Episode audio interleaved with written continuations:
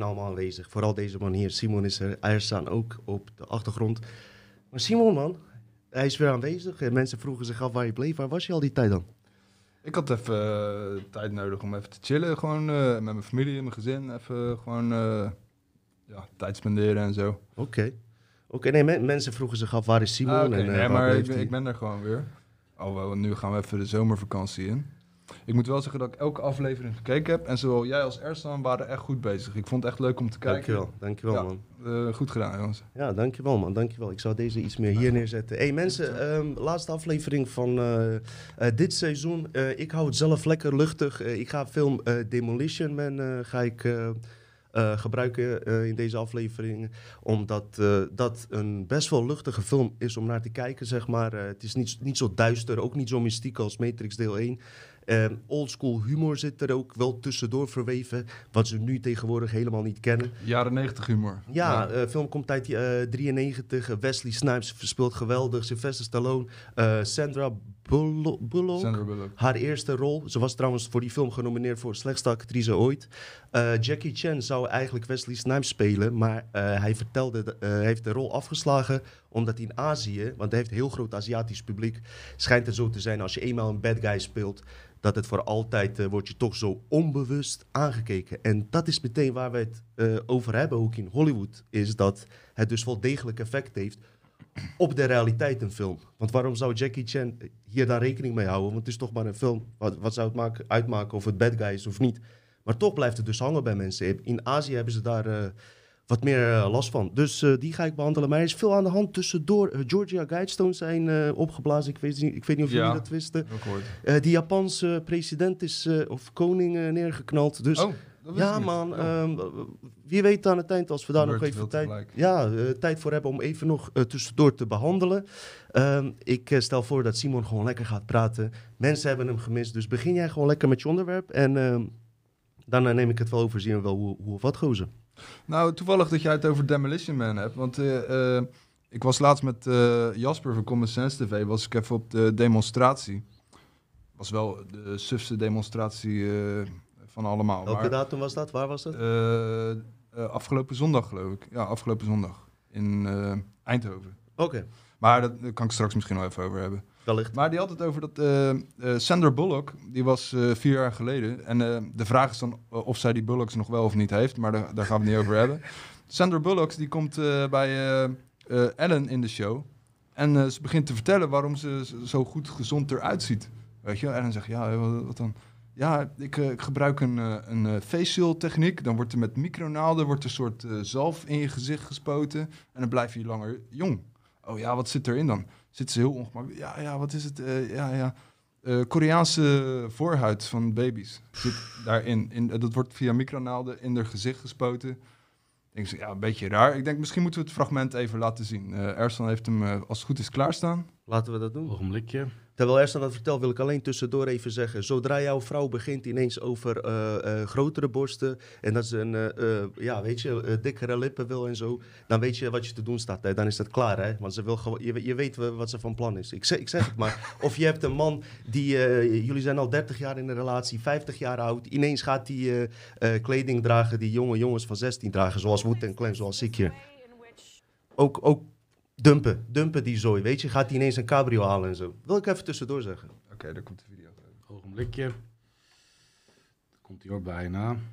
Dus ja, eh, Simon, eh, toevallig dat we het allebei over Sandra Bullock hebben, zonder Ja. dat we het van elkaar wisten. Maar eh, ik heb het toch wel meer over Wesley Snipes en Sylvester Ja, Stallone, zo in. Demolition Man. Maar eh, ja, zo zie je maar weer dat eh, dingen zo eh, ontstaan. Ga maar even door hoor. Ik, ik ben al even bezig blijkbaar. Wat kan je nog meer vertellen? Is hij er? Nee, hoor- hij is nog niet. Hij is, hij, hij is er bijna. Ja, Ja, dat klopt. Nou ja, in ieder geval... klopt. eh, Maar jij, jij had het net over die Bulldogs, eh, met, met, met het idee dat zij ook een man zou zijn dan, of zo? Moet ik dat begrijpen? nou, dat is meer een geintje. Wat, Oh. ik, ik denk wel echt dat dat een vent is, maar dat, dat is niet mijn onderwerp. Eh, Oké, voor mij ziet ze er trouwens heel vrouwelijk uit. Mooie vrouw. En als ik naar haar kijk zo, lijkt ze ook wel te, wel te vertrouwen. Ja, dat is de bedoeling dat als je een transgender bent, dat je er graag als een vrouw uit wil zien, weet je wel. Dus, eh, maar maakt niet uit. Die eh. Koreaanse voorhuiden, die, eh, die komen van eh, abortus uit Korea. En eh, toen zij in de film Ocean's 8 zat, heeft ze ook haar collega's, niet allemaal, maar de medespelers, eh, heeft ze geprobeerd om over te halen om ook dat te doen. Sommigen hebben dat gedaan, die hebben dan ook die, die voorhuidfacial. Ze maken er ook geintjes over van eh eh, penis facial. Oh, oké. Ja, en die Ja. film Oceans, Oceans 8, dat is gewoon Ocean 11, maar dan met vrouwen. En dat was ook niet een heel eh, succesvolle film. Het was een beetje saai eigenlijk. Niet dat het aan vrouwen Gaat trouwens aan hoor nu. Oké, komt-ie. De achtergrond. Je kan gewoon doorpraten. Oké, ja, Oké, je maar kan je een commentaar eh, bij geluid van dat fragment heb je ook nodig. Ja, Oké, dus ja, mensen horen het.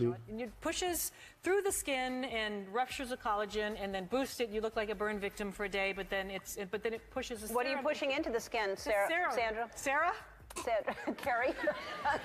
what are you pushing into the skin? Well, you push in whatever the facialist would like to insert into your pores. But what is it? It is an extraction from a, um, a, a, um, a piece of skin uh, that came from a young person um, far, far away, and they somehow figured out how to extract. It's foreskin from a Korean baby. It's like it's. That's what it is. I, no, okay. Who I comes up no, with I this? don't think. I don't think. It's not like I'm lying there with little pieces all over my face. It's like, it's. Who thinks of collecting it and, and yeah, having it for? We'll do something with this And someday. why didn't we come up with that? right? It'd be Yeah, rich. and so so we call it. I, well, I call it the penis facial, and I think I think when you see how good it is to your face, you too will run to your local facialist and say, Put "Give some. me the penis." well, it's Jongen, jongen. Sorry hoor, Simon, reageer jij maar eerst, dan kom ik wel. Ja, het is een eh, wat ouder fragment, maar dat wordt nog steeds eh, gedaan. En eh, je hoort die mensen in het publiek ook lachen. Dat, ja, dat noem ik dan de lachbot. En, eh, want het, ja, het, het is niet grappig. Je denkt eerder bij jezelf, gadverdamme, wat ben je aan het doen, joh? Weet je, wat doen die Hollywood mensen eigenlijk? Weet je, eh, ja, een masker op. Dus op een gegeven moment eh, denk ik van, ja, waar komt dat dan vandaan? Uit Korea, daar heb je het. Maar je hebt het ook nu in Amerika, omdat abortus natuurlijk politiek eh, een eh, gevoelig onderwerp is.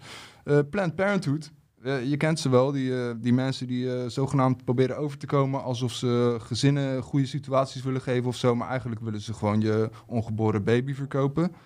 Ehm, ja, dat gaat dan. ze zijn nu met die wet bezig dat ze dat tot negen maanden willen doen. Nou, dat vind ik nergens op slaan. De meeste mensen in Amerika gelukkig niet. Dat hadden we vorige keer hadden jullie het over Roe v. Wade. Dat is toen eh, afgekeurd. Ja, kom op, tot negen maanden ben je gek in je hoofd of zo. Dus ehm, eh, onder Ede hebben mensen die bij Planned Parenthood, die hebben dus bekend. En er wordt dus gehandeld met een bedrijf dat heet eh, Stem Express. Dat doet dus onderzoek naar ja, stamcellen en dat soort dingen waarschijnlijk. En er zijn ook mensen die bij de ziekenhuizen werken, die beginnen ook argwaan te krijgen. En die hebben zelfs gewoon vuilnisbakken geopend. En die vinden ook gewoon, dat is heel naar. Ik adviseer je niet om dat op te zoeken en ernaar te kijken. Maar ik vertel het nu voor jullie even, dat er gewoon, eh, zitten gewoon eh, baby's in de vuilnisbakken daar zo. En dat laten ze ook aan artsen zien. En die komen dan ook tot de conclusie dat die al klaar waren om eventueel te gaan ademhalen ooit. Die, die worden gewoon afgekapt. Dus die mensen van Planned Parenthood onder Ede, die vertellen dan... joh, dat StemExpress, die kunnen gewoon een lijst invullen. Dan vullen ze een lijst in bijvoorbeeld van hoeveel maanden... en wil jij een, een brein, een hart, een long, een andere... Of, of een hart met de vaten, of hoe heet dat, de zenuwstelsel er nog aan, ruggengraat...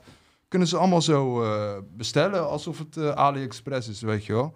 En dat is eigenlijk gewoon illegaal. Dat is gewoon eh, verboden in Amerika, weet je wel. Maar omdat in Los Angeles is dat abortus op dit moment... is dat zo'n chaotisch politiek onderwerp... dat ze er eigenlijk gewoon mee wegkomen. Dan denk ik van, nou ja, wat raar. Weet je wel, en eh, om een, eh, een voorhuid. Maar eh, toen was ik natuurlijk met dat onderwerp van die voorhuiden bezig. Toen kwam ik iets anders tegen. Daar had ik laatst ook met Dino over.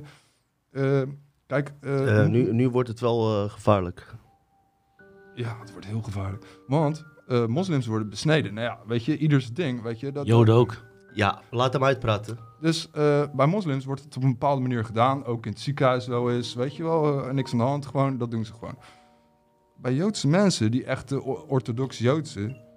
Die, eh, daar gaat de rabbi, rabbijn... Die gaat dus letterlijk... Die knipt dat en die gaat met zijn mond... Gaat hij dat bloed eruit zuigen. Ik heb een interview op YouTube gezien van een rabbijn die dat vertelt waarom het zo belangrijk is. Hij zegt, ja, het is heel belangrijk. Want eh, om er snel bij te zijn met een bloeddempend middel of iets, er, er zit te veel tijd tussen. En in de speeksel zit ook eh, eh, middelen die eh, als ontstekingremmend werken of zo. Menselijke speeksel is heel, eh, dat is heel goed eh, voor dat soort dingen. Ja, behalve dan als de rabbijn herpes heeft. Wat gebeurt er dan als een baby heeft geen afweersysteem voor herpes? Dus is er wel eens een kind eh, hier en daar overleden aan dat soort eh, praktijken. Maar dat hele idee al, man, wat zijn jullie aan het doen? Eh, een baby. Op een gegeven moment heb je zo'n rabbijn en die heeft een eh, eh, eh, opgeschreven interview op internet, heb ik gelezen. En die heeft het erover dat hij al zeker 25.000 eh babypenissen in zijn mond heeft gehad. In de tijd dat hij dus eh, dat doet. En eh, bij Joodse mensen wordt op de achtste dag wordt dat dus gedaan. Vind ik heel vroeg, weet je eh, dan ben je net... Je bent nog niet eens... Echt, je ballen zijn niet eens gedaald, weet je wel. Je, dus die, die, die knipt dat dan en die doet dat gewoon even lekker in zijn mond. Denk, ja, onsmakelijk verhaal. Dus in Zweden dachten ze, weet je wat, we maken dat verboden. Dus eh, besnijden is wel toegestaan, maar dat moet op een, eh, een eh, hoe heet dat, een medisch normale manier gebeuren. En niet... dus de Joodse mensen in Zweden, die, die vinden dat heel racistisch. Maar ja, ik vind eigenlijk, ja... Wat, vinden ze racistisch precies? Dat ze niet die penis in de mond mogen doen. Zij willen dat. Ja, Ja, dan en in Zweden is dat verboden. Als ze, ja, ze kunnen ze ook mij bellen. Wat? Of versa. nee, maar Ik heb nog uh, maar naar buiten, man. staan. Nee joh, maar in ieder geval, eh, ja, bizar man. ja. Ja, ik wist Maar- dat hij over Joden ging beginnen ook. Dus vandaar dat ik zei Ja, van laat hem maar even. Inderdaad, ja. en eh, ik heb wel eens een comment gezien van mensen die zeggen... ja, jullie zijn jodenhaters. hey, ik vertel gewoon iets dat wat echt gebeurt, hè. Ik heb niet eh, dat verzonnen of zo. Maar dat is ook weer een bepaalde, waarschijnlijk een eh, eh, bepaalde richting in eh, het geloof. Misschien een extreem, extreme richting. Niet dat, of doen ze dat allemaal? Denk, denk het niet. Nou ja, het gewoon niet. het Joodse geloof. Doen dat. Is dat Kijk, gewoon basis? Hoe, komt hij aan eh 25.000? Weet jij daar wat van, Ersan? Ik weet wel dat eh, sommige mensen zeiden dat traditie is om het voorhuid op te eten. Dat, eh, dat in sommige families, als het voorhuid van het, eh, van het jongetje eraf was gesneden, Ja. dat ze dat dan gingen opeten. Maar Ik- niet ik bij moslims, dus, toch? eh, bij moslims eh, Ook. Uit, uit sommige eh, verre dorpen in Turkije heb ik wel eens gehoord of het bullshit is of echt Ja. is. Ik ik vind het ziek. Wie het ook Nou, is, moslims ik of Joden, ik vind dat het is ziek. wel echt hoor. Wat vind het ziek, dat, hè? dat Ja, is ik wel echt gebeurd. het is, het is ziek. Ja. Maar ik heb ook gehoord dat eh, hier in Nederland mensen hun moederkoek eh, laten opeten door een hond. Vind ik ook vrij ziek hoor. Vrij Ja, ziek. maar dat is wel een verschil. Dat je, eh, ik heb een foto En dan gezien. ook klaarmaken in de keuken, hè? Zo'n beetje knoflook daarbij, zo misschien. Beetje zo draaien en aan je hond geven. Als jij een foto ziet van een rabbijn die zo staat met een baby, dan, Ja, dat is- dan weet je al... eh, dan, dan, Worden ze dan er ook high van of zo? Eh? Nou, dat met de vergelijking met adrenochroom of iets dergelijks. Ja. Eh, het is een traumatische ervaring. En eh, de eerste zeven jaar van een kind eh, kunnen traumatische ervaringen ook invloed hebben op jouw eh, karakter als volwassene. Dus ja, ik weet niet. eh, ja. Oké, Maar ik, dat ik was wist dus- eh, trouwens niet dat dat gewoon een... eh, dus jij zegt dat de reguliere eh, Jood dit gewoon normaal vindt om te horen. Eh, ik denk wel dat, dat ze streng Joods zijn. Dat ze echt eh, gewoon helemaal... Zullen we het eerlijk houden om mensen in de comments eh, die Want ik weet ook meer... wel mensen Ja. die, door, omdat je Joods geloof wordt via de moeder doorgegeven. Dus als jouw moeder dat is, dan, dan ben je dat ook. Maar je hebt heel veel, je hebt heel veel verschillende Joodse Ja, mensen. daarom, Sommige zijn ook... om niet te generaliseren. nee. Maar eh, ehm, eh, klopt dit niet wat Simon zegt? Of sowieso wat ik ook zeg straks. zet altijd in de comments bij hoe, andere opties of zo, weet je wel. Want ik hoor het ook voor het eerst. En misschien is er of andere eh, eh, groepering binnen het Jodendom die dat eh, doet. En de meeste niet. Dat is mensen straks niet aangesproken van, weet je wel, met rare vragen of zo. Ja. Ja, Nou, ik denk ook dat... wat, ik had meerdere artikelen gelezen. Ook, ik heb ook het idee dat ze het echt verontwaardigd zijn als je dat raar vindt. Dus, maar da- ja, dat is met geloof. Als je ergens helemaal in zit, dan, dan is dat gewoon jouw beleefwereld. Prima, prima. Ja, ik, Ja. ik vind het inderdaad Dus die, die Sandra Bullock en eh, meerdere acteurs, die houden zich bezig met dit soort praktijken met bloed. Ja, net zoals dat je in eh, videoclips heel vaak ook vampierengedrag ziet. Mhm. Ja. Ja. Ik had het niet van haar verwacht. Ik had net goed woordje voor haar gedaan. Want in die film, die, die is natuurlijk uit 1993. Toen moest ze ontgrond worden daar zo in Hollywood. Toen was ze nog Hollywood maagd, weet je. Maar eh, ja, ehm, Ja, jammer, maar- jammer, jammer. Dat, eh, ik, ik, zag wel wat in haar. Maar ja, nu niet meer. Ik denk dat ik niet meer... eh, ik ga het niet meer proberen, zeg maar. Maar dat is wat je vergeet, het zijn allemaal acteurs van beroep. Dus die mensen kunnen Ja. acteren. Dus je weet nooit. eh, Maar wat haar een uitstraling, weet je. Ik, ik had er niet over... Ja, jammer, jammer. eh, Sandra Bullock. Ja. ja, weet je, als je ver om jong te zoekt, zijn blijven, ze allemaal. eh, Om jong te blijven. Maar- want dat is zo belangrijk als je denkt dat je maar één keer... eh, dat je een sterfelijke ziel hebt misschien. Maar de reactie van die mensen en dat... Die eh, publiek. en- ja, maar ook dat, eh, dat komische gedoe eromheen, eh, denk ik van, eh, ook van, ja, iedereen zou het moeten doen. En dan een grapje van maken, ja, iedereen Dat zou is, een penis in, in, in zijn mond moeten nemen om het te verlichten. Maar het is, eh, ik vind het echt niet Het is ook een beetje dat predictive programming. Want dit is het fragment van vier jaar geleden. Maar Ja. wat ze nu doen is waarschijnlijk veel zieker. Ja. Vooral met wat er nu beschikbaar is aan uh, Misschien kan er wel een poll houden eh, Mm. bij je vrouwelijke kijkers, nee? Eh, hoe, eh, wie, wie er in staat is Nee, dit is een beetje, ik deed ook expres aan het begin dat je dit gehad hebt. Want het is Ja. echt vrij... eh, Nou, ik heb het nog niet eerder gezien, man. Ja, dat ze dat doen. Eh, ja, vier jaar geleden, oké. oké. ja, maar dat is dus begonnen met Korea. En nu, nu is dat bijna elk land. En waarom eh, Korea? Waarom halen ze het uit Korea? weet niet, Noord of Zuid? daar, Is dat eh, bekend? gewoon misschien goedkoper.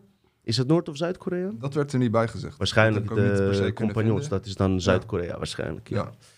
Oké, oké. Ik weet wel dat dan eh, door die mensen van Planned Parenthood, die werden echt onder Ede verhoord. Weet je wel, dus dat, eh, ja, dat is gewoon... Maar ook dat, dat mensen, personeel van ziekenhuizen, gewoon ook eh, dode baby's in vuilnisbakken vinden. En dat andere artsen dan de leeftijd constateren en hoeveel maanden. Dat is gewoon echt nu heel veel aan de gang in Amerika. Het is gewoon, ja, ik weet niet wat er met mensen aan de hand is. Gehypnotiseerd of zo. eh, dat, eh, Vroeger kon je dat toch niet zeggen tegen mensen van, eh, ja, dat, zo'n verhaal als dit. Dan werden, ja, ik snap het gewoon niet. Maar ja, dat, dat is dus Sander Bullock. Ja. ja, heel vreemd man, heel vreemd. Heb je nog hier iets aansluitends op? Zal ik naar Demolition Man gaan? En dan ik denk dat je naar de... de Demolition Man kan gaan, want je, je kan hier niks normaals over zeggen, toch? Wat is het nou? Heb jij nog enige reactie hierop, Ersan? Nee, nee, geen reacties. Voor jou komt het niet bekend voor. Ja, je, je hebt het wel eens in je tradities gehoord, maar eh, niet in de buurt of zo iemand die je kent die dit ook doet. Nee, nee, nee, nee, jongens. Nee, nee. Ik eh, heb heel veel moslimvrienden. Ik heb dit never... ik vraag me nu af wat met mijn voorhuidje is gebeurd. Waar is mijn voorhuidje? Die is, eh, in, in een of andere zwarma-zaak is daar eh, wel wat bijgevoegd. Maar eh, ik heb heel veel islamitische vrienden. Ik heb never nooit van zoiets gehoord. Ik weet zeker dat zij dit ook heel raar zullen vinden om dit te Ja. horen. Never nooit gehoord. En ik heb ook Joodse vrienden. Maar die Joodse vrienden, dat zijn eigenlijk voor mij geen Joden. Want je herkent niet dat ze Jood zijn. Nergens Nee, aan. Ze doen niet aan traditie. Ze doen... dus nee, die weten sowieso niet veel van Joods geloof Joden waar ik mee omga. Behalve, die... eh, hoe heet die gast? Net aan jou. Maar dat is ook het verschil met iemand die heel streng christelijk is, of iemand die gewoon in God gelooft. Daarom. Weet je wel, En weet eh, je, en ja. Joden kunnen op hun beurt weer zeggen van ja, Christen en Vaticaan met eh, kindermisbruik. Iedereen kan elkaar altijd beschuldigen. Wij kunnen iets. allemaal Ja. elkaar. eh, trouwens, eh, ook Afghanistan. eh, die eh, eh, eh, gesluierde moslims, die, eh, die die vrouwen, die, die arme vrouwen in burka's insluiten. En ondertussen eh, kleine kinderen neuken. En dat gewoon openbaar op televisie zeggen, vind ik ook fucking vies. We hebben het vaak over Vaticaan en alles. Ja. Maar die specifieke, ik wil ook weer niet zeggen alle Afghanen, dat je gewoon in het openbaar als een sheriff gewoon standaard een jongetje naast je hebt die, eh, die jou, eh, eh, waar je gewoon seks mee hebt. En dat je dan gewoon voor de camera het gewoon dat, dat toegeeft als het normaalste zaak van de wereld is. Fucking ziek. Fucking ziek. Interesseert me geen Ja. reet wat voor geloof je hebt. Als je dat soort shit doet, ben je ziek in je fucking hoofd. Ja, nee, dat noemen ze Basja Bazi. Daar heb ik het al eens over gehad. En, eh, in Afghanistan zien ze vreemdgaan met een klein jongetje niet als vreemdgaan, omdat het sowieso een man is. En je hebt daar filmpjes van hoe dan kleine jongens worden ontvoerd of worden verkocht door een familie, omdat die familie geen geld heeft. En die wordt dan als een kleine hoer opgeleid en Ja. die kind die gaat dan alle oudere volwassen mannen eh, af. Je hebt toch die eh, film De Maar dan, zijn die, dan is die sheriff zelf ook zo'n jongetje geweest. Joh, eh, ik weet niet wat is geweest. Misschien wel. Eh, misschien is die zo sheriff geworden. Al denk ik wel eerder dat hij dan major was geworden. Of als je rijke ouders hebt, dan, eh, dan blijven ze van je af of zo. ik heb Dat je, echt geen idee. alleen, en ik wil ook niet dat nu mensen denken dat heel Afghanistan zo doet. Want ik ken. Afghaanse mensen die gewoon super normaal zijn, die dat niet doen. Een stuk of vijf. En ja, weet je, het is... elke volk heeft wat. Behalve wij uit Joegoslavië. Kan ik niks aan doen. Kunnen we naar het volgende onderwerp? Dat is daar traditie, ja. Wij, wij maken traditie. al, alleen ik, elkaar ik, ik af met voeg de link zo. toe in, eh, in, eh, op eh, Telegram en Ja. op YouTube. Ik vind het echt ranzig. Dus eh, ehm, we hebben het vaak over Vaticaan. En daar worden christenen daarmee zeg maar, gelinkt. En ik moet wel zeggen dat eh 95% van complotten die ik heb on- onderzocht... als het gaat om kindermisbruik... is wel altijd gelinkt aan Vaticaan en dat soort groeperingen. Maar ik denk zelf, dat is mijn mening daarover... als jij, ehm, zeg maar... ehm, eh, mystieke level van islam of eh, kabbalistische level van islam, die zich voordoen als islamieten, dat, het, eh, dat ze soortgelijke rituelen doen. Want de krachten voor wie ze het moeten doen, die hun de macht geven, die hebben dat nodig. Hebben we wel eens eerder over gehad. Eh, ik dacht, we gaan lekker luchtig beginnen, maar Simon is terug en hij is keihard teruggekomen, man. Netjes, man. Ja, Ik moet ja. wel zeggen dat je hebt ook complotchristenen die helemaal in de complotten zitten, maar wel christenen zijn. Die, die, die hebben niks met het Vaticaan. Dus dat is ook weer een eh, Vaticaan is niet alle christenen. Nee, die hebben ook niets met Georgia Stones. Nee, dat, Mm. dat, dat is satanistisch. Eh, Geor- Georgia Guidestones zijn ook opgeblazen. Nee, hoor je Ja, daar hadden we het niet. over, hè? Wie? Ik niet. Ja, Oh. Georgia Guidestones. Ik hoor mezelf niet. Ik zag een filmpje dat... Ik hoor jou wel heel erg goed. Ja, oké, oké. Vreemd dat ik mezelf niet Ik hoor. zag een filmpje dat de dader wegrende en dat was eh, Pepe the Frog. Ik dacht, ah nee, dat is niet echt. Oké. Jullie horen mij wel dus. Ja, ja, iedereen hoort Maakt jou. verder niet uit. Maakt Ja, verder anders, niet uit. anders krijg je genoeg klachtenregen als een van jullie twee niet eh, hoorbaar is. Demolition Man. Die van mij moet je Demolition aanlaten, Man. Ja, vreemd dat ik mezelf niet hoor, man. Ik vind het wel Ik handig. hoor je wel duidelijk hoor. Probeer deze even, niks aan de hand. Eh, geef hem maar van onder even aan. Eh, Sorry, ik vind het wel fijn, omdat ik... eh, Ik vind het fijn om mezelf te horen, zegt hij dan. eh, so- soms vragen mensen, waarom hebben jullie überhaupt die koptelefoons nodig? Eh, zal ik je ook meteen even Ja. uitleggen. eh, waarom dat no- nodig is. Niet Mag om... ik dan die koptelefoon? Ja, eh, regel jij deze even anders. Oh, oh, oh, oh. Ja, eh, waarom dat dus moet? Omdat er nog heel productiewerk eh, voor mij achter zit hier zo. Deze is dood. Ja, ik weet niet wat met die is. al die geluiden en als hij er wat tussen doet. Dus ik kan, zo kan ik goed luisteren wat jullie ook horen, dat het goed gaat. Ik heb liever ook geen koptelefoon, maar ik weet van mensen die het niet doen. Hebben een hele podcast, dus eh, zenden ze uit. En dan hoor je één persoon veel harder dan de ander. Dus dat is de reden van die eh, koptelefoons. Dat we dat doen. Ik ga lekker naar de eh, Demolition Man. En ja, eerst dan kan gewoon, meteen gewoon die eerste foto erin knallen. Film uit 1993, mensen. Sylvester Stallone, Wesley Snipes, Sandra Bullock, waar Simon het net over had. Gebaseerd op het boek New Brave World van Aldous Huxley. En laat eigenlijk heel goed zien wat de technocratische agenda is, de New World Order die eraan zit te komen. En serieus, als je die film al hebt gezien en nu terugkijkt met de tijd waar we in leven, zou je flabbergasted zijn hoeveel dingen daar zijn voorspeld en waar het eigenlijk om gaat. En hoe herkenbaar en hoeveel gelijkenissen er zijn, daar kan je eigenlijk gewoon niet eens eh, omheen draaien. Waar gaat het over eigenlijk is dat ehm, eh, Wesley Snipes, kan je die video gewoon ook doorheen knallen. Eh, Wesley Snipes die speelt Simon Phoenix, eh, dat is de bad guy zeg maar. Hij komt eraan, hè? Sylvester Stallone eh, is de cop, dus de agent die hem arresteert in het jaar 1996. Arresteert hij hem en vervolgens wat er gebeurt.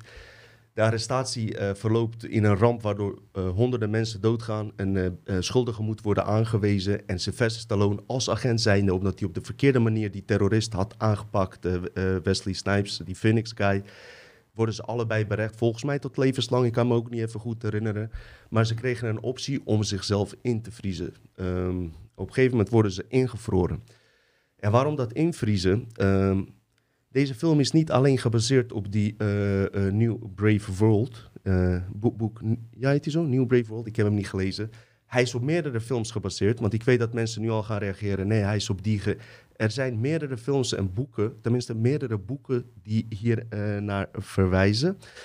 Dat wil ik er even bij zeggen, want eh, het is echt een combinatie van dingen. Waarom? Omdat de maker, genaamd Marco Brambilla, die, eh, dat was een complotdenker. Dit was een debuutfilm volgens mij en hij was een zware complotdenker. Hij was vooral deed onderzoek naar Walt Disney en die shit. En wat was er met Walt Disney? Mijn moeder vertelde al toen ik klein was, toen was het geen complot, dat Walt Disney zichzelf had ingevroren. Zijn hoofd. Ja? En eh, in, in de hoop dat hij later ontdooid zal worden als de techniek zover is om weer ontwaakt te worden. En wellicht is deze man, eh, omdat hij Walt Disney best wel onderzocht, was een complotdenker, eh, ook zo geïnspireerd naar dat. Maar het, kan, het kunnen ook andere dingen zijn. Nou, weet je, Walt, Dis- Walt Disney overleed leed in 1966, ja. En eh, ondertussen is er natuurlijk heel veel gebeurd, maar misschien is hem dat eh, bijgebleven en eh, heeft hij dat ook als inspiratie gebruikt. Maar je gaat sowieso heel veel ding- dingen ga je terug herkennen. Dus wat gebeurt er? Ze gaan naar het jaar 2032, eh, ze ontwaken op een of andere manier, herinner ik me even niet meer. Maar wat er gebeurt, als ze in 2032 ontwaken, is Wesley Snipes, de bad guy, wordt die gebruikt voor een ja, doel. Ja, wat ze nu ook doen eigenlijk. Hè? Wat ze met Al-Qaeda hebben gedaan, kan een beetje terugtrekken. Je maakt zelf de bad guy die eh, problemen maakt. Jij komt het vervolgens oplossen met hele vage nieuwe regels, weet je. Die ons treffen. Dat zie je heel goed in die film. Uh, wat er wel gebeurd is, uh, tijdens dat proces, in die de, 35 jaar tijd, is die wel geherprogrammeerd op een rehabilitatie mind control programma. Zou me niks verbazen als dat bestond. Ik weet niet of het bestaat. Ze hebben hem extra vermogens gegeven. Ja, breien. Ja, kon die dat ook? Serieus? Volgens mij was dat een geintje, ja, dat hij kon breien. Oh, geweldig. Ja. Maar in ieder geval, een van de programmeringen die heel erg van belang was, want je hebt daar een Klaus Schwab-achtige gast, die ga ik straks vertellen. Hij is zodanig geprogrammeerd dat hij iedereen kan vermoorden behalve hem. Dat uh, kan je misschien nog herkennen in de film. Dus ook op het moment dat hij boos op hem wordt en hem wil neerschieten, kan niet, omdat hij zo geprogrammeerd is. Ik denk dat die mind control... Uh, dat soort type mind control zeker wel uh, bestaat. Sandra Bullock, die heet Lenina, misschien van Lenin Huxley. En Huxley is natuurlijk de schrijver van uh, New Brave, uh, Brave New World. Dus daar kan, kan je uit herleiden dat het zeker daardoor is geïnspireerd. Ja, en nogmaals, het is echt die New World AI-controle. Volgens mij werden ze ook ingevroren omdat hun gevangenisstraf zo lang was dat ze dat niet een heel leven zouden kunnen meemaken. Wat, het wat het resultaat is dat je dan een hele opslag hebt van criminelen die allemaal bevroren zijn. Mhm. Maar dat, dat vertel je zo, denk ik. Uh, nee, dat niet. Dus dat is een Want goede die, toevoeging. die Wesley Snipes die heeft heel veel computertechnologie dan in zijn hoofd. Of uh, die is uh, geprogrammeerd om alles te weten. En die, die heeft handlangers nodig. Dus gaat hij allemaal jaren 90 criminelen gaat hij ontdooien. En die horen dan bij hem. Ja, klopt. Ja, en zo krijgt hij die bende. Uh, die, die had, uh, goed, goed dat je het even tussenvoegt. Ik weet, wanneer heb je die film voor het laatst gezien, Gozer? Ja, best wel een tijdje terug, maar ik heb hem meerdere keren gezien. Oh, ja. En ik vond het wel echt een goede film. Je geheugen is goed. eh. Wat, wat mooi dus is aan die film, even tussendoor mensen. Het is echt die, er zit gewoon, het is een luchtige film. Het is een science fiction, tussen aanhalingstekens. Um, maar die grappen die er doorheen zitten, die kunnen dus, die nieuwe films kunnen dat gewoon niet. Op een of andere manier, uh, ze kunnen, Wesley Snipes is super gra grappig. Sylvester Stallone, iedereen is super grappig. Ha, ha, ha, ha. Um, wat je daar merkt dus ook in de film, is dat de overgrote meerderheid ja, echt meegaat in die nieuwe wereld die, die, uh, ja, uh, utopisch lijkt. Alles ziet er super mooi uit. We hebben het wel eens over gehad, weet je wel. Een wereld waar alles perfect is. Er worden geen misdaden gepleegd. En in, op eerste, uh, eerste uh, twee, drie minuten, als je die film kijkt, denk je... Oké, okay, mooie wereld. Dacht uh, Sylvester Stallone, Wesley Snipes ook. En hoe langer je daarin blijft... en als je op kleine dingen gaat uh, letten... zie je dat er dingen niet kloppen. En er is slechts een klein groepje die zich daartegen verzet. En de meerderheid gaat gewoon met het narratief mee. En nu komt de clue. Luister vriend of vriendin, luister deze. Deze herinner ik me niet eens. Maar ook hier, tussen 2000 en 2032, was er een soort virus in die tussentijd dat ze ingevroren waren. In die film? Ja. Oké. Okay. Oh. Was een soort virus. Ze hebben het anders genoemd. Het komt op een virus neer. Ja. En uh, de, deze virus heeft ervoor gezorgd dat er een gedragsverandering is gekomen. Ja. En dat, of het vaccin? Ja, nou, ik ga, ik, ik ga het straks okay. vertellen. Uh, mensen werden heel uh, bang, durfden elkaar niet aan te raken. Daaruit zijn, uh, is bijvoorbeeld seks verdwenen. Doen ze seks op een andere manier via, via bepaalde dingen op je hoofd. Um, mensen zijn heel erg bang, eten geen heet voedsel, chips wordt niet meer gegeten, wordt niet gerookt. Je mag gewoon niks meer. Je mag niks meer. En de hele tijd wordt er propaganda gevoerd van voor je eigen bestwil, voor je eigen bestwil. Um, mensen gaan niet normaal met elkaar om, raken elkaar absoluut niet aan. Alles gaat via techniek en alles. En dat is iets, toen ik dat weer terugzat met, met, met de tijdgeest van nu, denk van wow, dat is wel he heel eng. En je merkt ook dat die mensen uit de toekomst totaal geen eigen inbreng of mening hebben. Alles is voorgescript. En dat zie je heel goed terug. Want zowel de bad als good guy, dus Sylvester Stallone en Wesley Snipes, hebben zoiets van... Wat de fuck is met deze wereld aan de hand? Niemand, uh, allemaal mietjes die, die, die luisteren naar wat er gezegd wordt. Ze zijn bang voor alles, ze volgen alles. Voor hun is het echt bizar dat de mens in zo'n uh, ja, slaaftoestand uh, is gekomen. Je had vroeger op YouTube, of vroeger, niet zo lang geleden, die man is overleden, maar dat was een Kevin Samuels. Die, ja, die is op YouTube en die had een uitdrukking, hij, hij praat dan met mannen. En eh, hij had het over grasetende leeuwen. En dat, dat is een beetje eh, wat ik aan moet denken als jij dit vertelt. Want een leeuw is een roofdier, weet je, maar hij eet gras. Weet je, ze zijn allemaal gewoon tam gemaakt. Ja, en ja, met gras eten in principe is niks verkeers. Tenzij er nog een. eh, tenzij het eh, bepaald wordt door iemand anders. En niet Ja. van binnen uit jouzelf komt. En dat zie je goed in die film. Wesley Snipes, de bad guy. Hij is wel psychopaat en alles. Maar hij heeft nog wel een eigen autoriteit. Niet om hem goed te praten, want het is echt een bad guy. Maar je zit daar dat hij en Sylvester Stallone, zij hebben een eigen autoriteit. En ze, vragen dingen die die anderen eh, gewoonlijk vinden. Ehm, social credit system. Je, je kent dat eh, stukje wel. Ehm, je kent dat stukje wel dat hij op een gegeven moment eh, boetes krijgt, als, uitgeprint als hij gaat schelden. Maar die hele social credit system is dus daar heel goed te zien. Track-and-trace eh, systeem. Maar foto 2 kan ertussen er staan. Ehm, gelukkig voor die virus die was verspreid, is er een oplossing. Dat is eh, de kabaltype leider Dr. Raymond Cacto. Ja? Dat is een soort Klaus Schwab, zeg maar. En Ja. eh, iedereen wordt geprezen. Ze vinden hem allemaal geweldig. Net als hier, weet je wel, overal. Waarom? Hij heeft de oplossing voor een virus. Jij gaat het niet, jij gaat het niet geloven. De oplossing is een onderhuidse chip. Maar die onderhuidse chip, nu die er toch is, is het ook handig om mensen te bespioneren. 24 motherfucking 7. New World, AI control. Dat is wat er aan de hand is in die film. En ja, nogmaals, eh, het is een leuke film gewoon om terug te kijken. Ik bedoel, wat Simon je net eh, vertelde, die hardcore shit, als je dat hebt overleefd. Die film kan je gewoon met, met een kind van 14, 15 kijken zonder probleem. 12 jaar ook, ge- geen probleem. Dus ehm, Verschilt per kind. Ja, eh verschilt zeker door. Dus misschien even foto 3, wat typisch is. Niks mag meer. De gewoonste dingen die toen gewoon waren, mag nu niet meer. Eh, je gaat schelden. Op een gegeven moment, dit staat gewoon in de filmscript, hè. Bij dat schelden komt een bonnetje uit. Jij denkt, ja, leuk. Hij denkt, leuk, komen, blijven bonnetjes uitkomen. Maar het gevolg is wel dat het door die microchip geregisseerd wordt. Dit is script uit de film. En als jij later gaat solliciteren ergens, dan staan die scheldpartijen staan in jouw referentiesysteem. Snap je wat ik bedoel? Je hebt al werkgevers die op Facebook kijken als je komt solliciteren. Nou, ik weet sowieso dat ik, eh, Ik heb dat, geen ik geen, eh, dat ik e- eigen baas moet blijven. Ik weet niet. Nou, ik denk wel dat ik kom wel aan werk toe. Ik kom wel. Anders moet ik weer naar Duitsland rijden, een paar ritten. Je weet toch wat ik bedoel?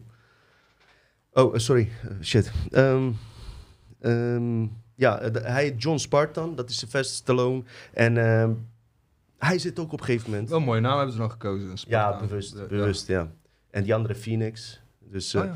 Maar wat er dan gebeurt, ja, dan gaan we naar foto 4. Die John Spartan, die ontdekt... Maar een Phoenix, hij reist uit het vuur en hij, hij reist uit het ijs. Dat vind ik toch wel grappig. Ja, deze hij reist ook uit het ding. Zie je, hoppa. Hoppatee. Proost. Proost, mijn broeder. Jij ook? Waarom drink jij geen alcohol vandaag, broeder? Ik moet werken vanavond weer. Ik ga vanavond zeker stappen. Kom maar bij mij langs. Ik kom zeker naar die foute Marokkanen tent, geen probleem. Ja, Zal daar, daar, daar sta ik vanavond. Ah, mooi, mooi. Ik ga... Nee, komt goed, komt goed. hey, sorry. Ehm, die, die John Spartan, die hebben het op een gegeven moment ook door. Hij denkt, hey, dit klopt niet, man. Ze doen allemaal alsof, weet je. Ehm, op een gegeven moment, die Sandra Bullock zegt tegen me... ik wil met je seks hebben, zeg maar. Hij denkt, ja, is goed, weet je. Hij voelt zich ook een beetje ongemakkelijk zelfs van... Zo'n directe vraag, zonder romantiek daarvoor, zonder opbouw, weet je, zonder eerst gewoon ik wil seks met je. Hij denkt, oké, zal wel, lekker wijf, ik ga zitten. Wat denk je dat ze doet? Ze komt met een fucking helm. Ze geeft hem die helm. Ze doet zelf ook die helm op. En dan hebben ze seks. Hij zegt, wat de fuck is dit? Weet je? En dat is precies waar het heen gaat nu. Ook met de jeugd nu. Die hebben relaties via Instagram. Ze zien elkaar bijna nooit. Eh, weet je? En dan kreeg je van die... eh, resultaat is kreeg je van die 3FM-dj's... die zeg maar gaan- niet alleen gaan aftrekken... maar ook nog eens hun eigen sperma willen opvangen voor TikTok. Dus ja... eh, Ja. nou, eh, foto 4 kan ertussen. Dus wie ontmoet hij? Ondergrondse leider. Dat is de fucking Willem Engel gewoon die wij nu hebben, ja? Dat is de gast... eh, eh, I'm the enemy, zegt hij, because I like to think. I like to read. I'm to freedom of speech. Freedom of choice. Edgar Ja, Friendly. Ja, Maar eh, pas wel bij Willem Engel. Edgar Friendly. Ja, man. Ja, man. Ja, maar eh, deze is eh, meer oprecht. Ik bedoel, ik wil die. Ja, moet ik, dan moet ik dat weer gaan zeggen. Nee, joh, Zo, maar ik wil, maar. ik wil gewoon goed over Willem naam praten. gekozen. Dat, dat zou ik Nou, wel zo ik, zeggen. ik, ik vind in deze aflevering heb ik het gevoel dat dit gewoon de Willem Engel is. En mag ik het ook een keer positief zeggen? Ja, je mag het zeggen, maar vinden Is, mensen dat? ja, is, is, is mijn mening. Ik, heb, ik heb helemaal geen mening. Laten we het daarbij. Is goed. We- Ik heb sowieso nooit een eh, statische mening over iemand, weet je. Eh, nu is gewoon, Willem Engel is gewoon top. Nu, op dit moment. Pas bij deze, eh, bij dit Daar ga hier. ik later even op in dan. Ik ga ook helemaal niet zeggen of die goed of fout is of niet. Eh, laat het even, even een keer iets goeds over mensen zeggen, man. Kom op, man. Elke keer mensen afzeiken, jullie. Nou, jongen, een keer een andere broek aan. Wanneer? Laatste demo. Ja, Ben je naar hem toe gegaan of niet? Nee, is- ja. Ik, eh, wat, wat ga ik met hem praten dan? Misschien moet je ju- juist een keer hierover praten. Ja, maar weet je wat het is? Dan wordt het een, een ruziegesprek. Hoezo? Daar hebben we allebei geen zin in, denk ik. Ik, hij lijkt mij geen... Ik, ik denk als je Ja, gewoon hij normaal niet, met maar Ja, maar als je die instelling hebt, dan moet je gewoon niet gaan. Ik, Nee, eh, nee, nee. oké. Ik, eh, ik, eh, ik kan me dat niet inhouden. Nee, oké, oké. Ik wist niet. eh, misschien kan je het straks nog uitleggen. Ik, ik, weet, ik weet niet, eh, weet je. Eh je kan het straks altijd nog toelichten. Nou. maar hey, ja, vertel maar, vertel maar. Vertel maar. Nee, ik, weet je wat het is? Dingen die ik over hem weet, die ga ik gewoon niet vertellen, omdat het gewoon ook zijn privéleven is en zo. En ik denk, er zijn gewoon een paar dingen waar ik het gewoon niet mee eens ben. En als ik dan zijn naam hoor, dan, dan had ik eigenlijk gewoon mijn mond moeten houden. Ah, daar, ge- geef ja. niet, geef niet. Ik vond die, deze man juist positief in het licht zetten. Dus dit is voor mij vandaag Willem Engel, verzetstrijder. Niet sarcastisch bedoeld, bam. Hij is het gewoon. Hij zegt dan ook, I'm my enemy, enemy want eh, ik, ik ben wakker. En dan word je al, eh, ja, eh, ik, ik wil gewoon mijn eigen woord hebben. zelf...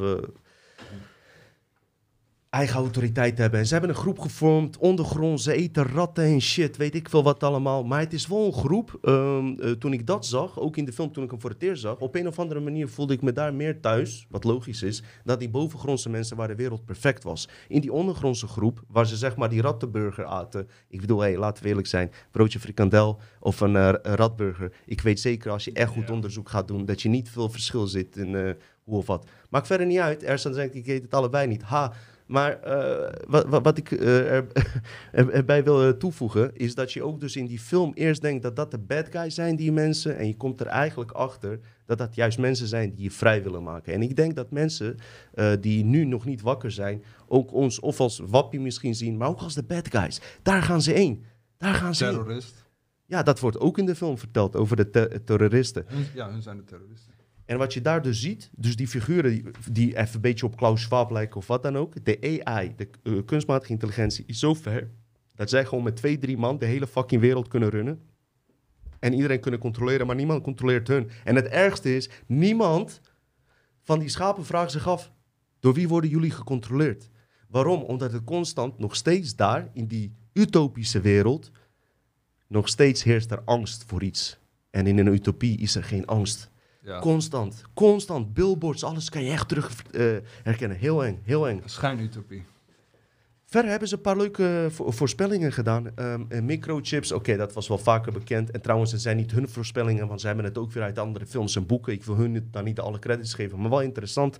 Eh, voice control, eh, dat heeft Nikola Tesla bedacht, dus dat is ook niet echt nieuw. Maar dat Arnold, eh, in die film zou Arnold eh, Schwarzenegger president worden. Hij was gouverneur. Ja, hij was gouverneur. Maar dicht in de buurt. Maar een detail was dat ze een discussie hadden. Want Sylvester Stallone eh, zei toen van... Hoe kan dat dan? Het is een buitenlander. Hij kan toch geen... eh, volgens die en die wet kan dat niet. En toen zegt Sandra Bullock... Ja, die wet is ingevoerd. En in het echte leven is die wet ook ingevoerd. Dat is waar. En voor je het weet is Dr. Os president. Ik vind het prima hoor. Ik heb liever die... eh, eh, toch? Dr. Os. Dr. Os. Geef mij maar Dr. Os. Wat denk jij, had, die had een interview met Corey, eh, Corey Feldman. En Corey Feldman, dat is een acteur die vroeger misbruikt is. Dat zegt hij ook zelf. En die zou dan namen gaan openbaren. Maar daar is hij al twee, drie jaar mee bezig of zo. En die namen die komen maar niet. Dus Dr. Os heeft in een fragment op YouTube, ik weet niet, uit zijn programma waarschijnlijk, heeft hij dus een foto aan eh Corey laten zien. En toen zei hij, is dit hem? Hij zegt, ja, maar de rechtszaak... En, die Corey die vond het een beetje ongemakkelijk, omdat hij nog rechtszaken heeft lopen en ook traumatisch. En toen heeft eh Dr. Oz wel die naam genoemd. Alleen ik ben die naam vergeten, want het was niet iemand die ik per se goed ken van tv of zo. Hm, Maar dat, eh, als je dat eh, opzoekt, dan kan je wel vinden welke naam dat was. Oké. Dus dat, Dr. Os. Wie weet horen we in de Ik vond toekomst het wel leuk altijd. Bij eh, Oprah Winfrey zat hij. Ja. En dan vroeger in de pauze had je wel eens een tv. toen werkte ik in een restaurant, toen zag ik het wel eens. Aardig vent. Je had die Dr. Phil, die ook die eh, kindermisbruikzaken aan, Ja. aan het licht kwam. Waar was die ook een beetje verdwenen ook? Nou, Dr. Phil die stuurt mensen naar een soort ranch waar jeugdige eh, probleemkinderen geholpen worden. Daar schijnen ook weer wat eh, zedenzaken aan de gang te Oh. zijn. Dus ja, maar ja, ja. Eh, kan hij daar wel... Ja, dat is een ander verhaal. Dat is een heel ander verhaal. Om even, even Misschien volgende keer. Ja, om Demolition Man even globaal af te ronden. In de- eh, in die, nee, dat maakt niet uit. eh, Simon, ze hebben jou lang niet gezien. Dus eh, het is nooit erg als jij onderbreekt. eh, vinden ze zeker niet. Ehm, je hebt nog wat te goed van ons. Dus. Eh, in die film, opmerkelijk, eh, hadden ze elektrische auto's die daar zit. Daar is 2 miljoen eh, dollar in geïnvesteerd toen de tijd om 10 elektrische auto's te maken, ultramodern.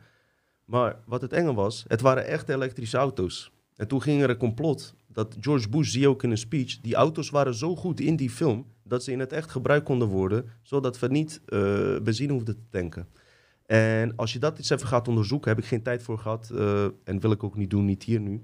eh, zie je dat of General Motors erbij betrokken was bij het maken of juist bij het saboteren om dit naar buiten te brengen, omdat het dus natuurlijk geld op olie verdienen. Eh, George Bush senior hield hele toespraak. Er is geen toekomst voor electricity cars. En kijk hoe de agenda nu is. Heel anders. Dus eh, ook daarin zitten heel veel complotten verweven, eh, gelinkt aan de film zelf.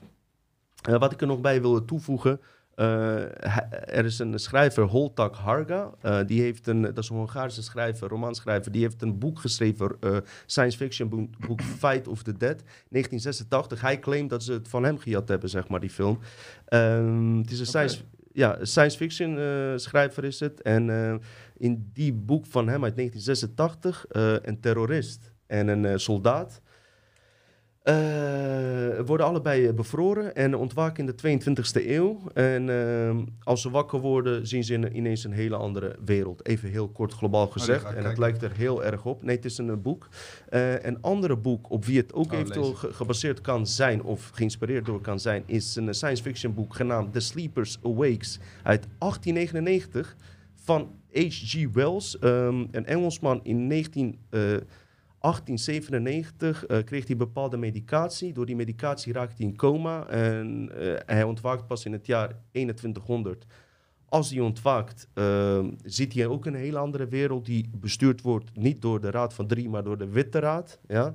En die Witte Raad ehm, is een politiek-economische wereldorde die ook nog in zijn vermogen, want hij was toen hij eh, in coma raakte heel erg vermogend, hebben ze zijn vermogen gebruikt om aan de macht te komen. Daar komt hij daarachter. Er zitten heel veel interessante dingen tussen, maar ik heb ze niet gelezen, dus eh, het is alleen maar even globaal uitgezocht. Conclusie uit die boek en uit de film Demolition Man is dat het in eerste instantie, en dat is precies waar ik het over eerder had, waar ze naartoe willen, is die technocra- technocratische nieuwe wereld waar alles perfect lijkt, maar diep van binnen voel jij dat er iets niet klopt. Dat zie je daar en dat is terug te herkennen. Alleen de rijksten worden rijker, in dit geval maar drie of vier mensen, de middenklasse en zelfs de hoge klasse en de lage, eh, weet je wel, eh, sociale dienst gaan allemaal naar de kloten en allemaal slaaf.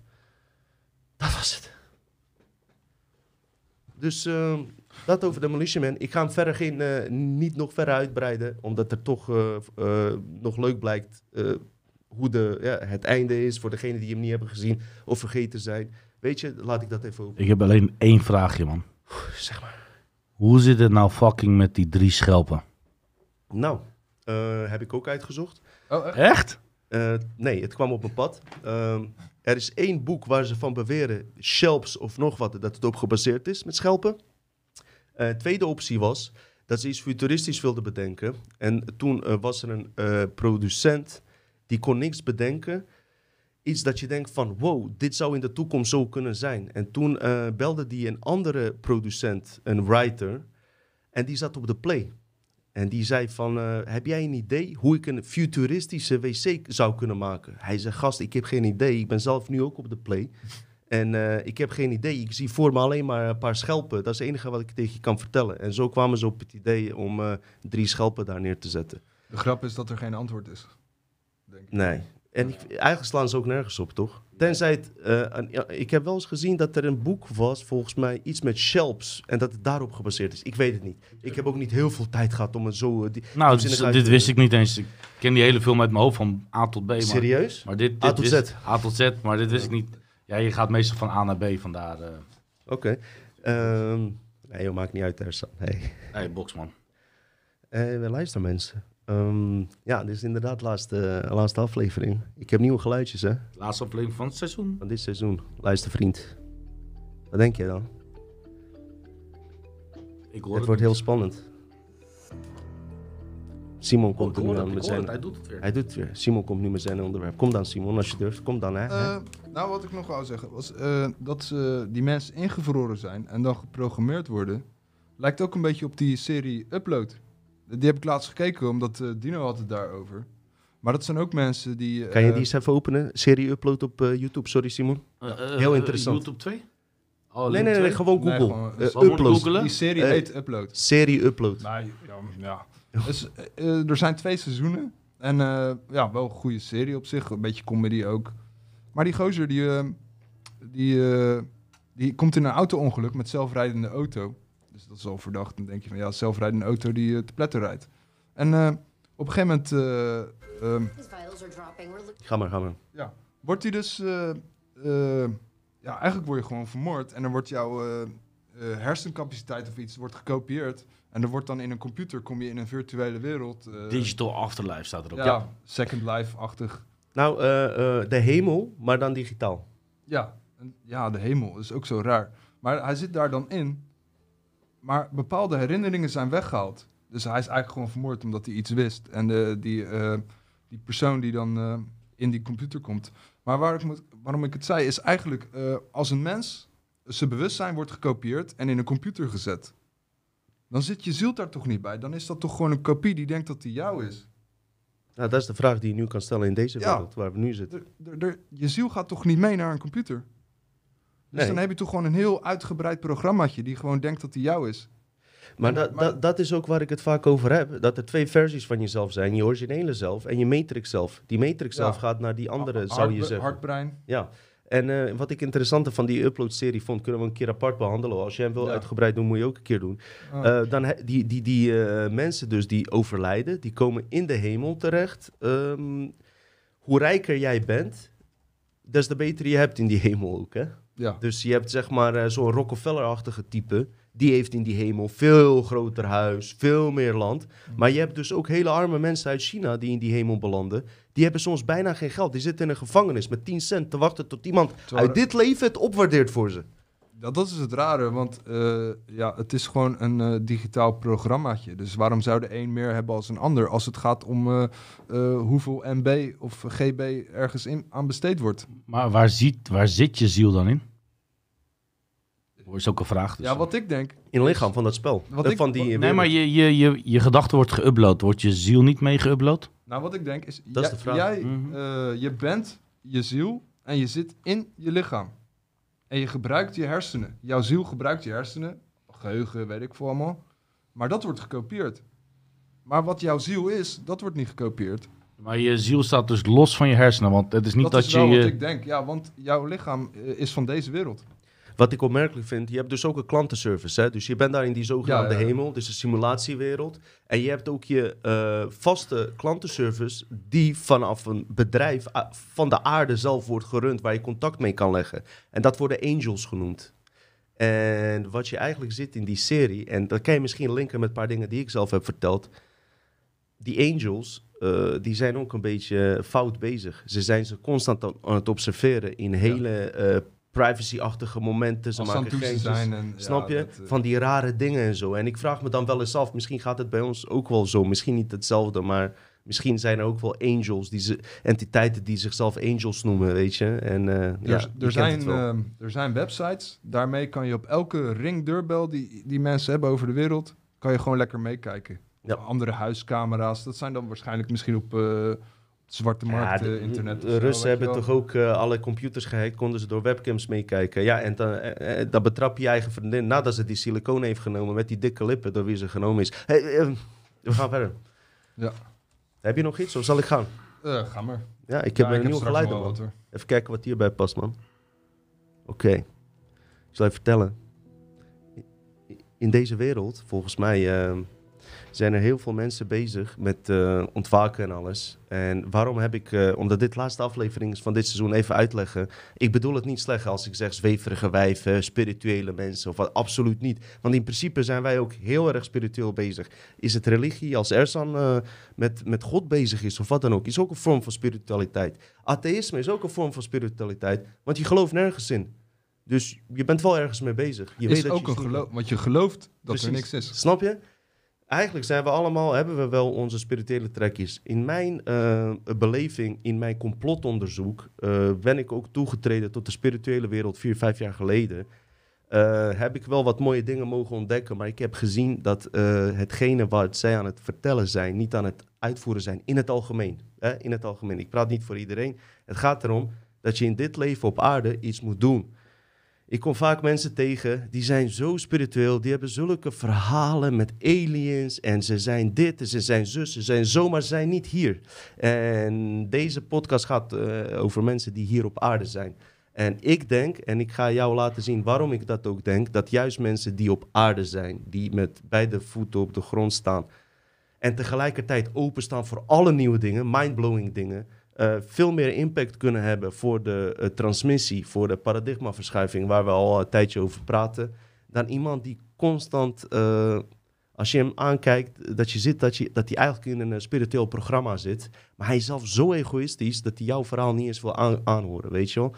Of zij. En ehm, daarom wil ik nu even iemand erbij halen, die jullie misschien niet verwachten. Er zijn drie figuren. Joe Rogan, Alex Jones, Mike Tyson. Ja, kom maar binnen. Eindelijk, nee. Het zou wel leuk zijn. Maar maakt niet uit, jongen. Ik ben blij dat jij er bent, man. Ja, toch, ik ook. Ik bedoel, eh, ja, zij, weet je, ze zijn Engelsen, weet je. Wij moeten, hey, wij moeten ook hier... Dit is Dutch Matrix. Het is geen eh, Amerikaanse Matrix. Hallo. Toch, mensen? Even applaus voor Simon. Even applaus. Eh, dankjewel. Heb je ook verdiend, gozer. Ik vind, trouwens, eh, jongens, mag ik jullie bedanken beide eh, dat jullie ook hier komen. Maar ik hoef jullie niet te bedanken. Jullie zijn ook een we- onderdeel We daarvan. zijn maar, al zo lang bezig. dat het zo goed gaat, hè? wel, eh, Ja, ja, maar toch even leuk. applaus voor Ersan ook. Echt, Ersan, bedankt ook voor Ersan, alle, echt zoveel eh, werk op de achtergrond. Aanstaande zondag bij Poppenkast eh, komt Ersan. ah ja, Eh, in de omschrijving stond al dat hij heel erg betrokken is. Peter heeft gezien, die was een keer hier toevallig gekomen. Ik heb de omschrijving niet eens gelezen, weet je dat? Ik wel, ik heb alles gelezen. In ieder geval, hij heeft gezien, weet je, achter de schermen, weet je. Wie, Ersan is heel erg betrokken bij dit alles. En eh, Simon ook, we doen het goed. En het gaat zo spontaan. Er worden niet van die vage discussies gevoerd van... Oh, ik wil bij die gast komen. Nee, ik wil hier, ik wil hier. Het gaat zo spontaan, we hebben nooit discussies. Enige ruzies die we hebben zijn online. Eh, als jullie kijken. ik zweer het jou.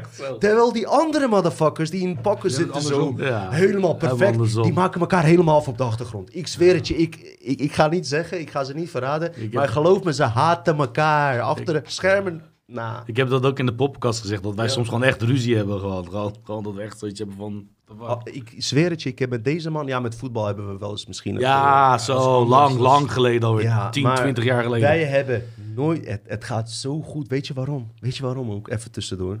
Wij hebben nooit ambitie gehad. En dat zijn we ook niet. We zijn ook niet bekend of zo. Ik, ik- we willen dat niet eens. Maar we hebben ook nooit intentie gehad om aandacht te trekken. We hebben nooit aan talentenjachten meegemaakt. Temptation Island. We zijn geen rappers geweest. Eh, bedoel ik niet Lange Frans mee. Lange Frans heb ik respect voor. Ik heb een paar Hij is al freestyles 15 jaar bezig met deze shit. Maar oh, dit- ja, maar oké, dat is iets anders. Maar ik Ja. wil alleen zeggen... Ik dat- altijd pornoster worden, man. Precies, dat kan, Kan nu ook. helemaal. Maak complotkinderen. Ehm, wat ik alleen wil zeggen, wij hebben nooit eh, intentie gehad om eh, zeg maar zoiets te doen. Het, het, het is bijna eh, opgedrongen, zeg maar. Het moest. Het moest gewoon, snap je? En wat ik daarmee wil zeggen, is dat nooit iemand zeurt. Weet je? Simon ook. Ehm, er komt iemand. Ik zeg, joh, deze aflevering lijkt me beter voor Ersan. Zoeken jullie het uit? Simon zegt, joh, laat Ersan. Andersom ook. Ik zeg tegen Ersan, eh Def P komt. Eh, Simon, ik weet dat die gozer, die gast luistert van kleinste van. Ersan zegt, jongen, ik wou zelf al zeggen, laat Simon daar gewoon heen gaan. Ik, eh, ik, ik gun het hem van harte. Dus jongens, even proost daarop voor, voor die samenwerking. Even proost. Ja, dat wordt ook tijd om even bij te vullen. Ja, In ieder geval, ehm, ik wil even terug naar een paar mensen. Twee seconden hoor. Er zit even reclame nu erop. Oh, ga je zitten? Oké, wil je op mijn plek zitten? Straks. Oké, is goed, is goed. Oké, dan gaan we even verder. Waarom ik dus naar... ehm, ehm, misschien is het ook zo dat je je vaak... eh, nee, het is zeker zo. Je spiegelt je met mensen ehm, die een beetje zoals jou zijn. Ook, weet je wel. En ik herken bijvoorbeeld eh, zo'n Joe Rogan. Ik denk dat ik onwijs een goede... Als we bij elkaar in de buurt woonden of met elkaar waren opgegroeid... Was, was ik een fucking goede vriend met hem geweest. Hij ook met mij, weet ik zeker. Zo'n Alex Jones, hij is misschien een beetje gek en crazy... maar ik weet zeker dat ik met hem... eh, zou kunnen opgroeien. Zo'n Mike Tyson type. Ik weet zeker dat ik niet met hem zou eh, boksen, zeg maar. Maar hoe die is en zijn eh, mentaliteit en die koppigheid... heb ik pas eigenlijk de laatste paar maanden ontdekt. Want ik kon Mike Tyson niet zo diep zoals ik in een interview dus... die verwijderd is tussen Alex Jones en Mike Tyson. En uh, Ersan is er nu even niet, dus die video laten we straks zien. Waar ik even heen wil, mensen. Luister dit, ik wil even twee dingen vertellen. Ik heb één inzicht, persoonlijke inzicht gegeven, eh, gekregen door dit interview, wat eigenlijk niet eens veel voorstelt. Er zit niet informatie in dat je denkt van wow, mindblowing of niet. Het heeft mij gewoon gepakt. Ehm, dat wil ik met jullie delen in mijn persoonlijk leven. En misschien herken je er zelf iets in terug wat ik in de toekomst, eh, hoe ik mijn leven een beetje ga aanpakken. Ehm, wat transformaties en zo. En eh, geen, eh, je weet wel, geen transformaties beneden of zo. Maar wat. En ehm, wat mij dus opviel is het volgende. Wij worden eigenlijk heel erg, en dan komen we terug op die Demolition Man film, gepusht. Kijk, als jij op dit moment geen zin hebt om met iemand om te gaan, dan is het toch kut als iedereen je dwingt van je moet met die omgaan, je moet met die omgaan. Snap je? En wij leven nu in een wereld van ehm, je bent verplicht om een eh, buitenlandse vriend te hebben. Want in Amsterdam is dat nu mode. Als je een buitenlandse vriend hebt, eh, dan, eh, dan, dan heb je een... dat is mode gewoon. Maar dat is eng. Want als het over tien jaar geen mode is, dumpen ze diezelfde buitenlander. kom maar, kom maar, Hers, kom maar. Even reclame erop. Zet maar reclame erop. Luister, wat ik wil zeggen. Wij van Dutch Matrix, als er iemand is... Nee, eh, eh, even alleen dit even, dan- d- d- doen we even doorheen. Oké. Eh, doe maar die reclame af, doe, doe, doe ik even deze. Wat ik alleen wil zeggen, het gaat hier even over. En dan komt Ersan hier even zitten, het gaat hier over. Ehm, als er iemand is die organische bruggenbouwers zijn... daar zijn wij daar zeker een onderdeel van. Zonder dat we het zo bedoeld hebben.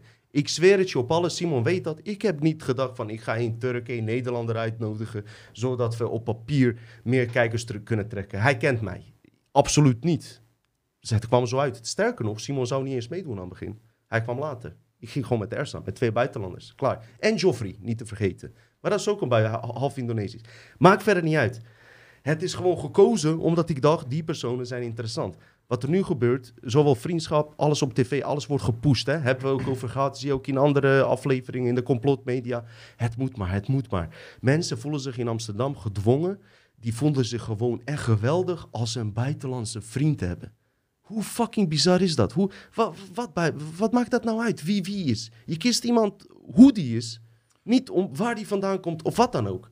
Waar ik eigenlijk heen wil. Ik heb Bam. toch wel eens in Amsterdam wel eens mensen horen zeggen... ja, ik vind het jammer dat ik zo weinig buitenlandse vrienden heb.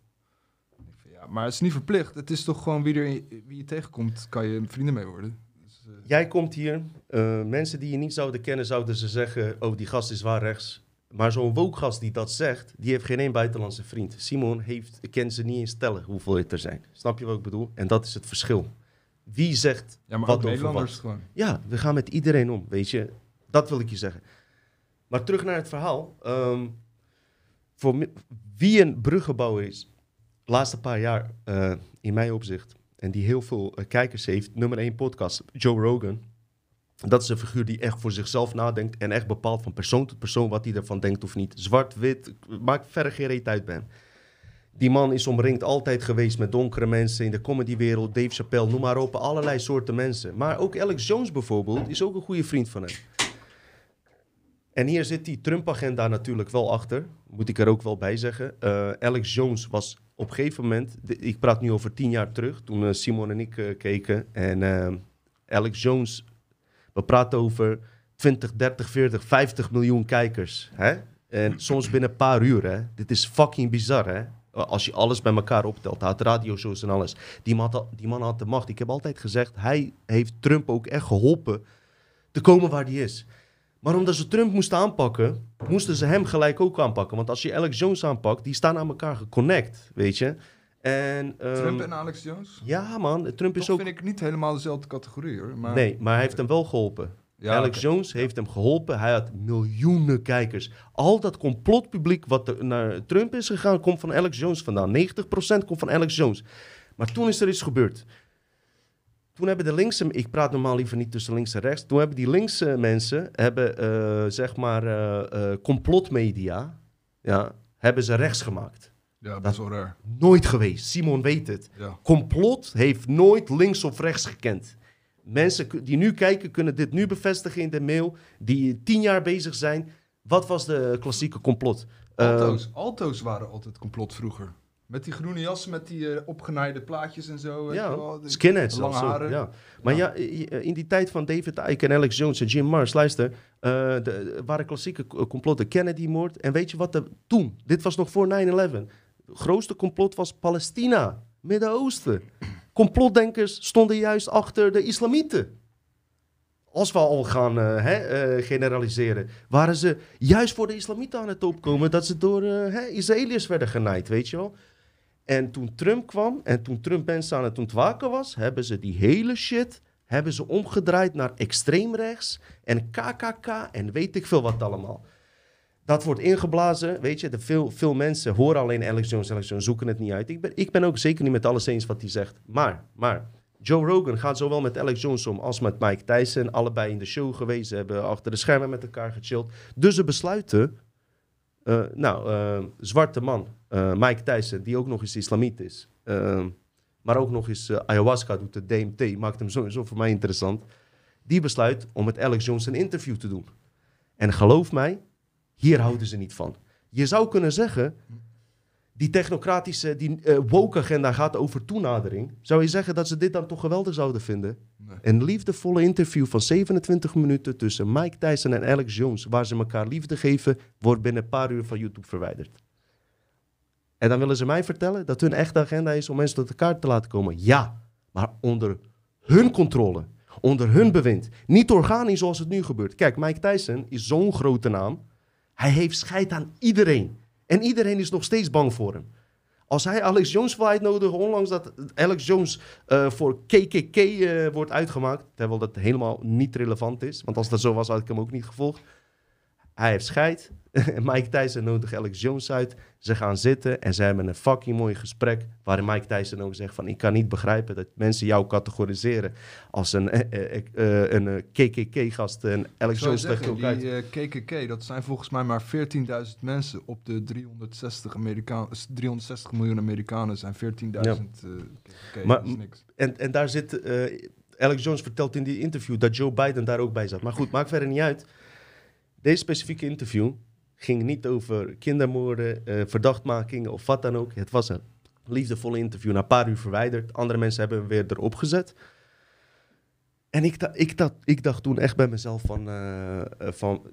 werd voor mij duidelijk van... als jullie dit soort dingen gaan verwijderen... kijk, als je ons verwijdert als we misschien een homograp maken... of weet ik veel wat, zeg ik oké, ik kan het begrijpen. Maar deze interview vind ik zo zonde, want hij heeft mij geraakt. Niet eens om dit ding, om het volgende ding. Dan ga ik naar mijn tweede punt voordat die video komt. Dat wil ik even tussendoor melden. Eh, misschien kan Ersan ook straks, later in de omschrijvingen, zal ik even een link naar die video plaatsen. Anders moet je op YouTube gewoon Alex Jones, Mike Tyson intypen, kom je ook vanzelf op die video uit. Dus 27 minuten. Maar wat mij geraakt heeft, op een gegeven moment vraagt Alex Jones aan, Mi- aan Mike Tyson, dat gaan we straks laten zien, vraagt hij aan hem van, kan jij jou vertellen over jouw DMT-ervaring? Want eh, Mike Tyson heeft dus ook eh, DMT gerookt, niet als ik, ayahuasca gedronken, gerookt met shots. En Mike Tyson begint te vertellen. Ik kreeg nu ook fucking kippenvel. En ik zit boven. Ik had wel een paar jonkels op. Oké, ik geef toe. En ik zit te kijken. En ehm, op een gegeven moment Mike Tyson vertelt. En ik hoor herkenbare dingen van ook eh, hoe mijn ervaring was. En op een gegeven moment komt er ook nog eens een eh, edit doorheen. Met beelden, met bewegende fucking eh, ayahuasca-achtige beelden. Dus mijn lichaam, mijn brein herkent de ervaringen die ik al zelf eerder heb gehad. En bam!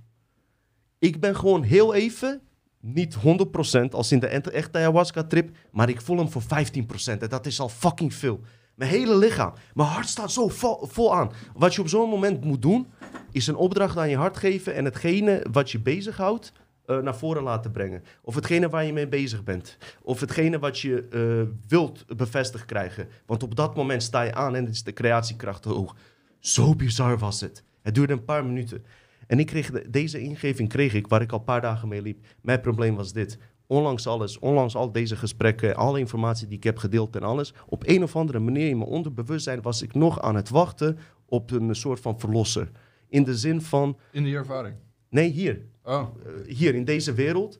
Eh, toch onbewust was ik in een afwachtende houding. Heb ik mijn privéleven echt al twee, drie jaar op een laag pitje gezet. eh, om dit te laten groeien. Ben ik blij mee. Is allemaal goed gegaan. Ik ben nooit zo productief geweest. Maar ik heb gemerkt dat ik niet aan het bouwen was in mijzelf. Met mijn gezin en in, in mijn realiteit.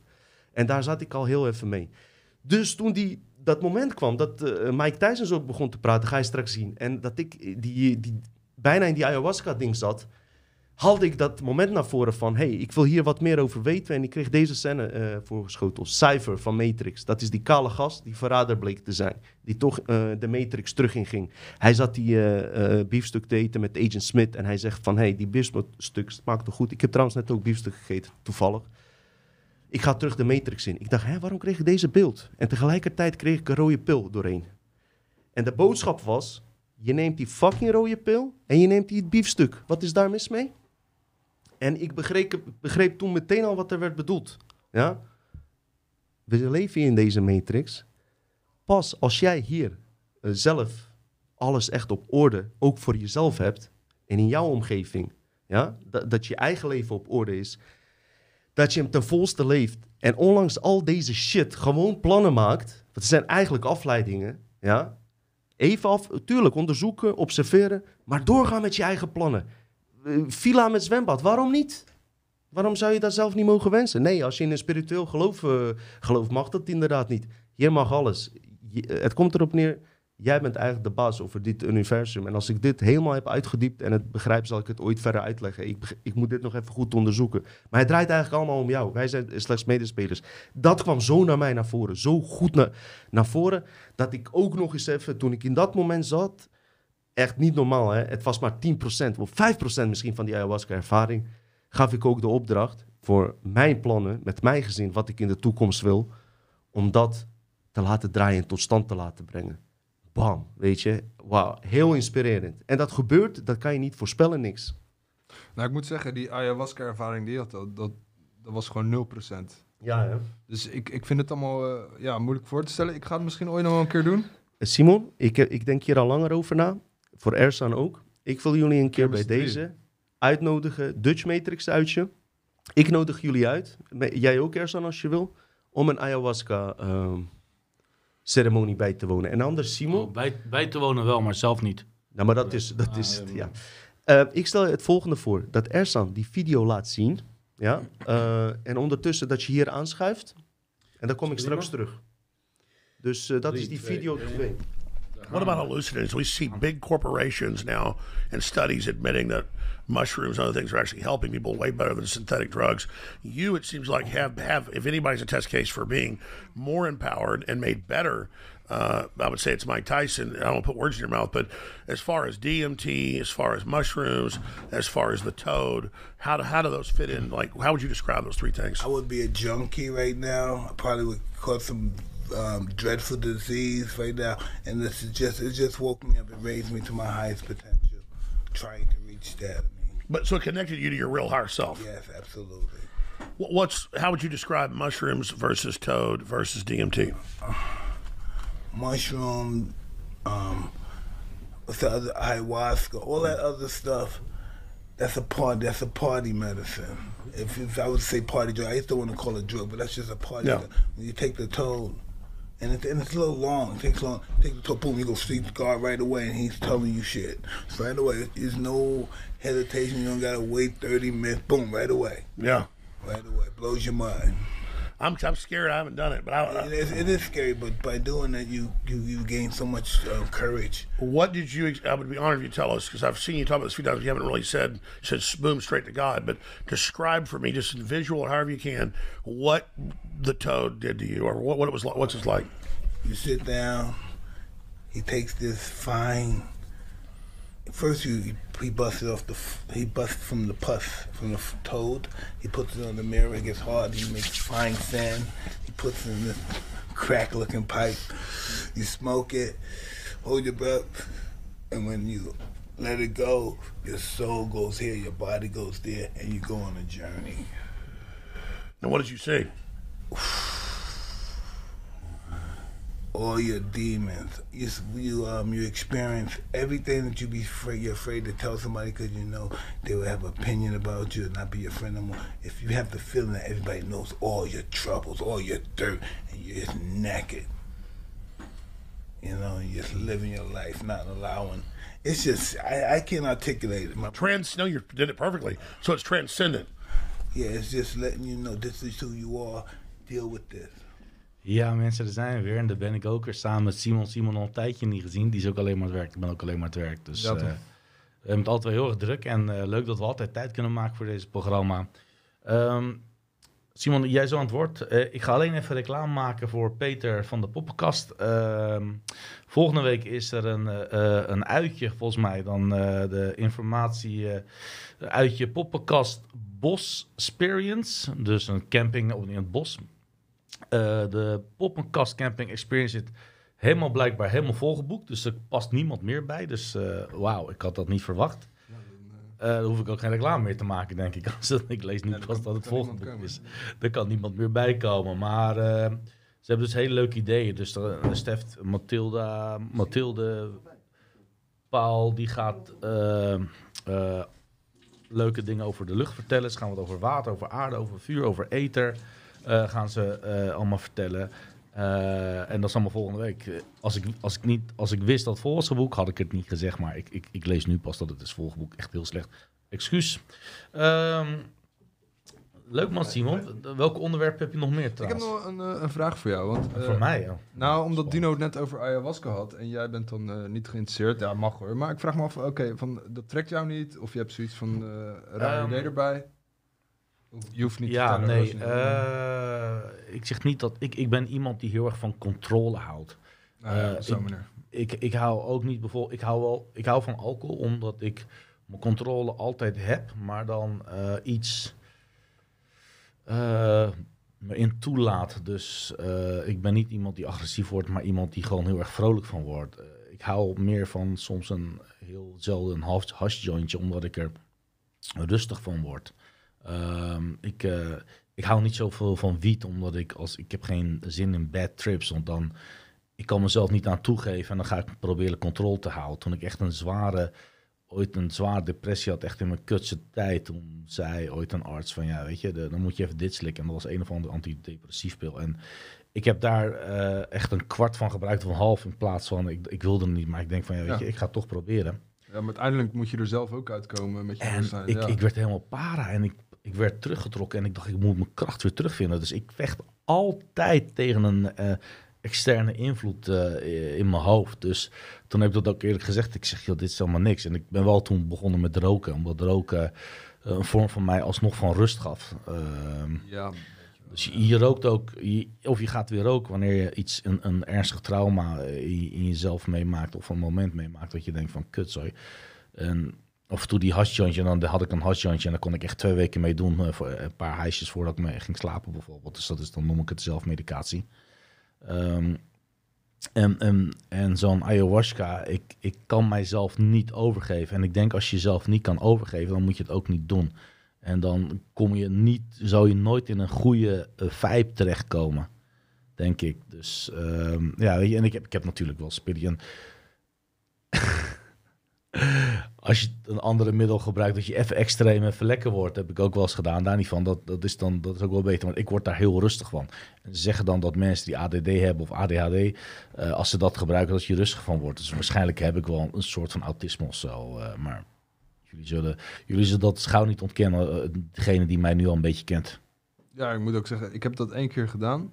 En ik merkte er niks van. Maar misschien had ik gewoon te veel dingen aan mijn hoofd of zo. Maar als ik die verhalen hoor van mensen, dat ze echt daadwerkelijk allemaal dingen zien en zo. Dan denk ik wel van, ja, misschien moet ik... Ik zou toch wel willen weten wat het dan is. Dus eh, ik vind het wel een leuk idee van Dino, dat we dat dan eh, toch een keer gaan doen. Dus eh, ja, ik ben wel benieuwd wat daar dan uitkomt. Ja.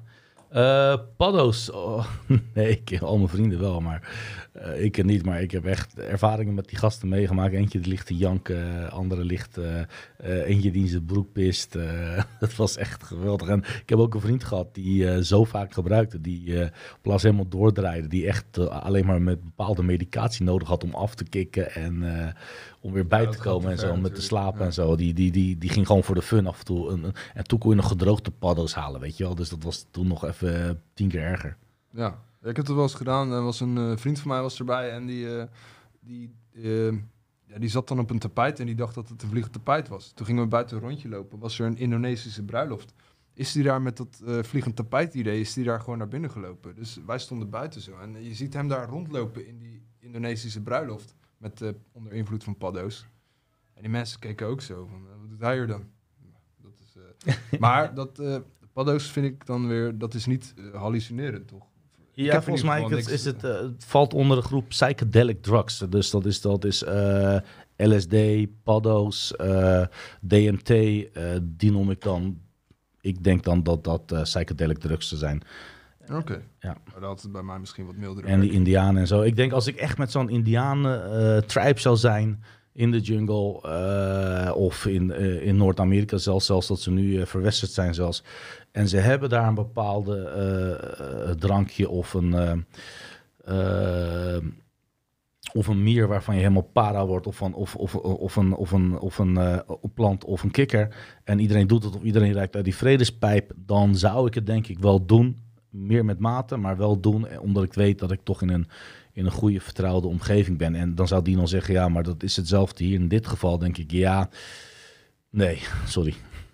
Ik heb wel zo'n verhaal gehoord van zo'n echt zo'n eh, ja, zo'n Wall Street figuur, weet je wel. Eh, die ging dan zo'n ayahuasca doen. En in één keer heeft hij alles gestopt. En is hij een of ander goed doel begonnen. Alleen, eh, ik weet niet meer welk goed doel. En toen heeft hij andere bankiers en zo heeft hij overgehaald. Van, joh, kom een keer... eh, want die snapt er niks van. Je hebt, eh, je hebt al je, dingen, je rijkdom heb je weggedaan. En nu ben je in één keer een goed doel of zo. En toen hadden die vrienden van hem, die hadden dat ook gedaan.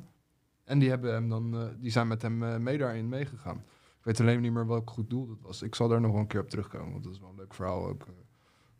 Ja, nou, ik heb een paar Hollywood Unmasked eh, eh, ehm, twee korte onderwerpen over Hollywood is een tijdje geleden. Ik, heb, eh, ik ben tegenwoordig Scrum. Nou, ik, heb tegenwoordig nieuwe functies eh, op, eh, op werk en dergelijke. Dus ik heb het echt super druk. Ik heb twee, drie uitvallende mensen. Dus ik neem heel veel dingen over ook.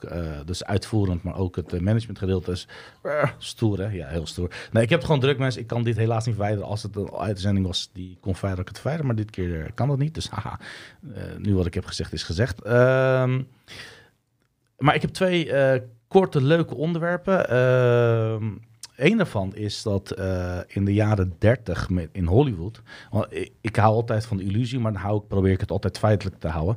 In de jaren 30 eh stemden Hollywood eh, studios ermee in om films te censureren en soms te annuleren om actief te kunnen blijven in Nazi-Duitsland. Dan kom ik dan terug op het stukje van Dino. Die zei van ja, maar ik vind hem nu goed. Je weet niet wat iemand zo meteen kijkt. Je kan nooit uh, weten wat een persoon later gaat doen. Behalve als je Minority Report uh, film uh, in, in de Minority Report film leeft. Maar sorry, even, oh, sorry, het ging even te snel voor mij. Maar je hebt dus. Dat is in de Tweede Wereldoorlog was dat? Dat is nog net voor de Tweede Wereldoorlog. Dus, dus de, de, dat je een film hebt, maar ja. dat je bepaalde dingen aanpast zodat de nazi's hem ook goed vinden. Precies. Het is eigenlijk een beetje vergelijkbaar dat bijvoorbeeld uh, uh, een kus door twee homo's uit een film wordt gehaald, omdat heel veel Chinezen naar de bioscoop gaan. Precies. De moderne versie daarvan. Precies, en daarom zie je nu ook in Star Trek, en ze verkrachten mijn Star Trek, dat je in heel veel series ja. zie je in één keer een Chinese personage of een Chinese... Uh, jongens, die, ik heb het vaak gezegd, de lange arm van Erdogan dacht hij het lang is, maar die van Xi Jinping is het langst van allemaal. Die gaat rechtop in je ass gewoon. Vroeger kon je altijd, uh, je kon altijd wel de Chinezen belachelijk maken, dat, dat kan tegenwoordig ook niet meer. Dus, de, wat was het laatst in de, de, op het nieuws, ja, de VVD of, uh, of wie? Winnie de Pooh is verboden in China. Ja, ook ja, ja want Winnie de Pooh lijkt op. Maar ook Nederlandse, uh, uh, Nederlandse uh, parlementariërs die dan het gaan opnemen voor de Chinese jongens, die worden gewoon lekker gespekt, gespekt vanuit het oosten. Ja. Echt waar. En volgens mij heb ik ook nog een behoorlijk stuk zondag hier. dat, zon, dat komt zondag hier dan. Ja, Hollywood bij, zit zwaar in de China. Peter. Ook hier nog een stukje over gesproken. Ja, dus maar leuk dat je dat nu zegt. En, um, ja, maar er was dus een pact met Hitler eh, ehm, eh, en Hollywood om het voor elkaar te krijgen. En eh, wat ook een leuk eh, onderwerp is, eh, dus dat is één van mijn onderwerpen. Ik had gezegd dat ik het kort ga houden omdat Simon er weer is. Dus dan wil ik zoveel mogelijk dat Simon leuk is om aan het woord is. Maar Ronald Reagan is natuurlijk een, een beroemde ster geweest. Een, niet een pornoster, maar een Hollywoodster. Eh, maar eh, die was heel erg conservatief natuurlijk en die is ook president geworden. Maar de FBI gebruikte hem ook als informant en om ehm, eh, in eh, studentenbewegingen te infiltreren en om eh, een soort van communistisch. ja, Dino zegt, ik zei, dat, Dino zei, ik zei het toch. Maar die, die werd dus ook echt gebruikt, omdat hij echt zo'n Amerikaanse status had en hij kon zich gemakkelijk in, inwerven. Om echt eh, ja, eh, spionage te plegen in bepaalde groepen eh, in Hollywood en in, rondom om te kijken van hey, ehm,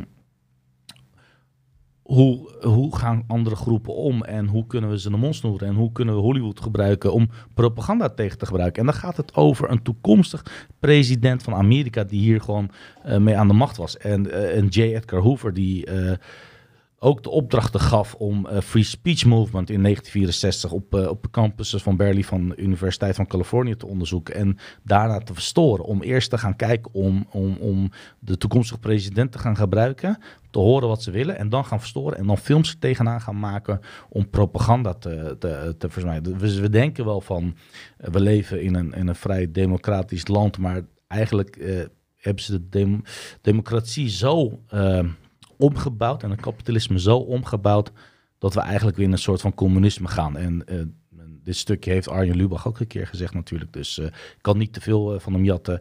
Maar het klopt wel in dit geval wat hij wat hij heeft uitgelegd. Het is een heel leuk fragment wat hij heeft. Die kan je nog terug op YouTube vinden. Maar in principe komt het wel eigenlijk daarop neer. Ja, Simon, dat waren twee korte onderwerpen. Het is ook al tien uur. Dus we hebben... ook misschien de Georgia Guidestones De Georgia Guidestones, ja. Wat opzoeken, hij is opgeblazen misschien. Ja, eh, heb jij nog wat, wil jij nog wat vertellen Nou, over Georgia? Guidestones? Eh, het, het filmpje wat ik zag van die explosie, ja, dat, dat zag eruit alsof het nep was. Maar dat doet er verder niet toe, want hij is sowieso later door hijskraan is die helemaal omgegooid, helemaal plat. En dan schijnt er ook nog daaronder een tijdcapsule te zitten. Dat is gewoon een, een, een doos of iets met eh, informatie daarin, wat vroeger daarin is begraven. En die willen ze dan nu gaan opengraven. Kijken wat erin zit. Maar verder, die guidestones, ik heb daar niet zo heel veel verstand van. Maar ik denk... Ja, het is in 1980 is het eh, door, eh, door ooit door iemand eh, of door bepaalde mensen daar neergezet als een, een monument, maar niemand weet. Het is een, Wie- een, een gids, zeggen ze dan. Of dat waar is, weet ik niet. Maar het wordt verteld dat het een gids is om eh, na een apocalyps de mensheid te laten overleven. En daarom... eh, nou ja, ik vind dat je die bevolking op 500 miljoen wil hebben. Wat heeft dat met apocalypse te maken, dat getal, weet je wel? Dat, ja. Je hebt wel meer controle over minder mensen.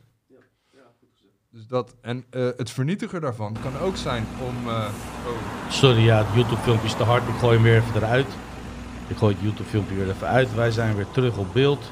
In één keer ging hij overschieten naar een ander filmpje. En hij is weer eruit. Nou. Het is gebeurd. In ieder geval, die, eh, het vernietigen van die stenen is misschien om volgende generaties complotdenkers daar niet mee bezig te houden. Want elke complotdenker die weet wat er op die stenen staat. In ieder geval de Engelse teksten daarop. Ja. Er staan ook nog eh, Spaans en nog wat talen staan erop. En eh, er zit ook weer een soort sleuf in. Eh, dat is dan om een bepaalde sterren dan te kunnen zien op een bepaalde tijd. Ja, ja, ja. Ja, maar die guidestones, eh, ik heb het idee dat ook alle complotmensen, die weten wel wat die stenen zijn. En misschien worden ze nu vernietigd om ook een beetje ophef te creëren, dat we een keer ergens anders mee over praten. En dat eh, de toekomstige complotdenkers ook niet meer weten wat dat is, dat het überhaupt bestaan heeft. Nee. Dat zou kunnen. Nee, ik heb nog trouwens een ander filmpje van jou die je graag wilde ook laten zien. Eh, moet dat nog... Die kan je wel even laten komen? zien. Dat was, ja, dat, de meeste mensen hebben het al gezien, maar ik dacht, laat maar even zien, omdat Dino hem nog niet gezien had. ben je er klaar voor? Het Ja. geluid is voor ons hard, maar niet Ah, voor, de, eh, voor de kijkers. Dus eh, het is voor ons hard, maar niet voor hun. Oké. Als je het niet kent, dit is eh, Zelensky zit hier tussen van eh, Oekraïne. Je hoeft hem niet helemaal te laten horen, hoor. dat trekt niet. Oké, Trekt nou. Gooi ik hem weer even Wacht, eruit. wachten tot die Zelensky nu gewoon in beeld is geweest. Kijk dan. Je, Maar dit is dan zogenaamd een... eh, ik noem dat crisisacteur. Dat, dat hele Oekraïne-verhaal, dat is een en al eh, nepperij. En er zal bas- best wel daadwerkelijk iemand doodgeschoten worden een keer, weet je, in zo'n oorlog. Maar dat... dat Ik ja, denk daar totaal anders over. Hè. Ik denk, eh, Maar eh, zal ik je eens wat anders vertellen? Je ik hebt- denk gewoon dat eh, Poetin Groot-Rusland graag wil zien. een buffer wil bouwen tussen het Westen. Dat hij het macht wil behouden. En dat hij een, een, een ander soevereiniteit aan het verkrachten is. Maar goed, daar krijg ik ruzie mee met, de, met 90% van de Hoezo, je mag toch gewoon je mening hebben? Ja, ja, ja, ja, maar goed. Bro, en ik heb een iets andere mening, maar ik wilde graag vertellen over... Je hebt die tanks, van Russische tanks, die hebben apparatuur waarmee je dus drones kan jammen. Dus je drukt op een knopje en de radiografische bestuurbare dingen om jou heen in een bepaalde radius, die werken dan niet meer. Maar dan zie ik vanuit Oekraïne zie ik beelden dat ze met drones die Russische tanks opblazen. Maar het is altijd van een afstand en je ziet niet echt eh, de, de mankracht daaromheen lopen of zo. Waardoor ik het idee heb, ze blazen gewoon op een filmpje even een tank op. Want dat is wel leuk voor de, voor de mensen een beetje sympathie mee te krijgen en zo. Maar Rusland heeft de beste anti-radiografisch of anti-drone apparatuur van de wereld, schijnt dat. Klopt. Dus daar zitten wel wat haken en ogen aan. Ja, maar van nu hebben ze Ik heb tegen de beste gezien. drones van de wereld te maken. Dus dat is het verschil. Dat kan. Ik heb filmpjes gezien. Die komen letterlijk uit een computerspel. Die hebben ze gebruikt. Volgens mij heb ik dat al een keer gezegd. En eh, ook gewoon uit totaal andere oorlogen worden beelden gebruikt. Of in Amerika had je een vuurwerk eh, tentoonstelling. Hebben ze het een beetje donkerder beeld gemaakt. Die hebben ze een keer gebruikt. Dus er worden heel veel nepbeelden gebruikt. Maar ik zeg niet dat het geen oorlog is. Maar ik zeg wel dat er heel veel eh, gelogen wordt en eh, gemanipuleerd in wat de mensen daarvan moeten vinden. Over manipuleren gesproken, wat ik wel ook interessant vond. Eh, ken jij de Patriot Front in Amerika? Heb je daar wel eens van gehoord? Eh, is dat het Patriotisch Front? Ja, dat is wat het Maakt ja, heel goed Erstan. Eh je had het net over FBI. FBI zijn een beetje de droogkloten van de geheime agenten. Een beetje stijve harken. En die hebben altijd beige broeken en donkere shirts en donkere petjes, zonnebril. Allemaal exact hetzelfde. Dat zijn dan FBI-agenten. Nou heb je de Patriot Front. Die zijn dan zogenaamd... Die zijn voor Trump, maar die zijn ook een beetje white power. En die demonstreren dan. Die hebben ook allemaal volgens mij een- een bandje om hun arm. En dan lopen ze daar, ook eh, volgens mij met wapens en petjes. En die lopen daar heel serieus de, de white power gasten uit te hangen. Maar wat hebben ze aan? Ze hebben allemaal diezelfde beige kleur broek als de FBI. En dezelfde donkerblauw shirt. Dus op een gegeven moment komt de politie daar en die arresteert hun. Maar als Amerika, als iemand gearresteerd wordt, wordt hij gepakt zo en in een bus gegooid en wordt weggereden. Nu werden ze allemaal bij elkaar, eh, eh, zo'n round-up. Werden ze allemaal op hun knieën gehandboeid en zo. En dan zaten ze allemaal daar. En dan bleef ze echt een half uur. eh, bleef de politie daar gewoon met de pistool zo lekker zo naast staan, zo op een gemakkie. Alsof ze klaar stonden voor een soort fotoshoot. Dus de FBI die staat daar dan een beetje als een soort eh, nep white power. Staan ze daar om een beetje het illusie te werken dat Amerikanen inderdaad racisten zijn. Dat was eh, ja, paar, ja, wel een maand of zo of meer geleden. Ik weet niet hoe lang ze al bezig zijn. Maar dat is dus de, de Patriot Front. is gewoon hartstikke nep. Maar dat is dus FBI. Dat zijn ook gewoon crisisacteurs.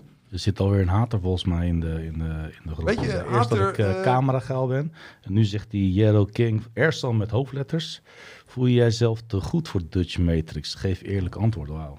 Of jij jezelf te goed vindt voor Dutch Ja, Matrix. ja. Hoezo dan? Hij zit er toch? Ja, ik weet niet. maar je moet niet elke comment eh, lezen. Ik heb ook wel eens... eh, Peter Buddenberg. Sukkel. Dat wou ik even kwijt gewoon. ja, nou, dat heb je wel eens. ja. En heb ik hem een keer laten gaan. Heb ik allemaal... Maar YouTube haalt... Die dingen die ik zei waren zo erg dat YouTube het zelf weg heb gehaald. Weet je wel. Dus ik denk, nou ja, oké, laat maar. Maar soms kan je uit je slof schieten inderdaad. En dat is niet helemaal goed. Maar eh, ja, eh, mensen zijn mensen. Iedereen heeft zijn eigen mening. En sommigen hebben een negatieve mening. Mag op zich. Maar ga niet lopen trollen de hele tijd, weet je wel. Ja, nee. ja, eh, je mag best een keer zeggen, maar ik vind die leuk. Of eh, ik vind eh, die beter dan die. Of dit vond ik een kut onderwerp, maar dit vond ik wel goed.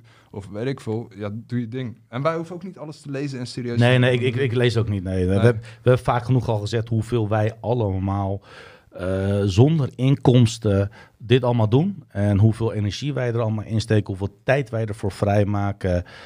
Ik denk als wij een Ja. van ons allemaal beter dan elkaar voelen. Of de synchroon, we doen dit al bijna drie jaar of zo, tweeënhalf jaar of zo, helemaal gestart. Ja, Ja, mensen kunnen ook misschien jaloers zijn op het succes. Wat, ja, Ja, dat is het succes? We zijn gewoon lekker bezig, weet je wel. Ja, weet je, ik, ik, ik vind als ik zo kijk hoeveel kijkers, wat dan ook, dan denk ik dat Maar- kunnen we niet ons vergelijken met alle grote Eh, jongens. Maar eh, ik vind het wel leuk om te doen. En ik vind het leuk Ja. dat er mensen zijn dan. eh, Als je net al eh, Esmeralda die zei van sorry, eh, hoi, Nee, dat vind ik heel leuk. Nee, nee, maar dat was het. Oké. Als je op een demonstratie loopt, dan zie je de live versie daarvan. Nou was er bij de laatste demonstratie, heb je dan eh, die mevrouw van eh Revolutie. Dat is volgens mij wel een aardige vrouw. Ik ken haar niet zo goed, eh, een paar keer gezien. Maar die wordt dan ook lastiggevallen door een of andere gozer. Die gaat dan naar een demonstratie om demonstranten uit te lachen met een vriend van hem. En dan gaan ze zo iedereen filmen en bij de hand opmerkingen maken. En ik ga lekker niet zeggen wie je bent ook, want ik gun je kanaal ook geen views.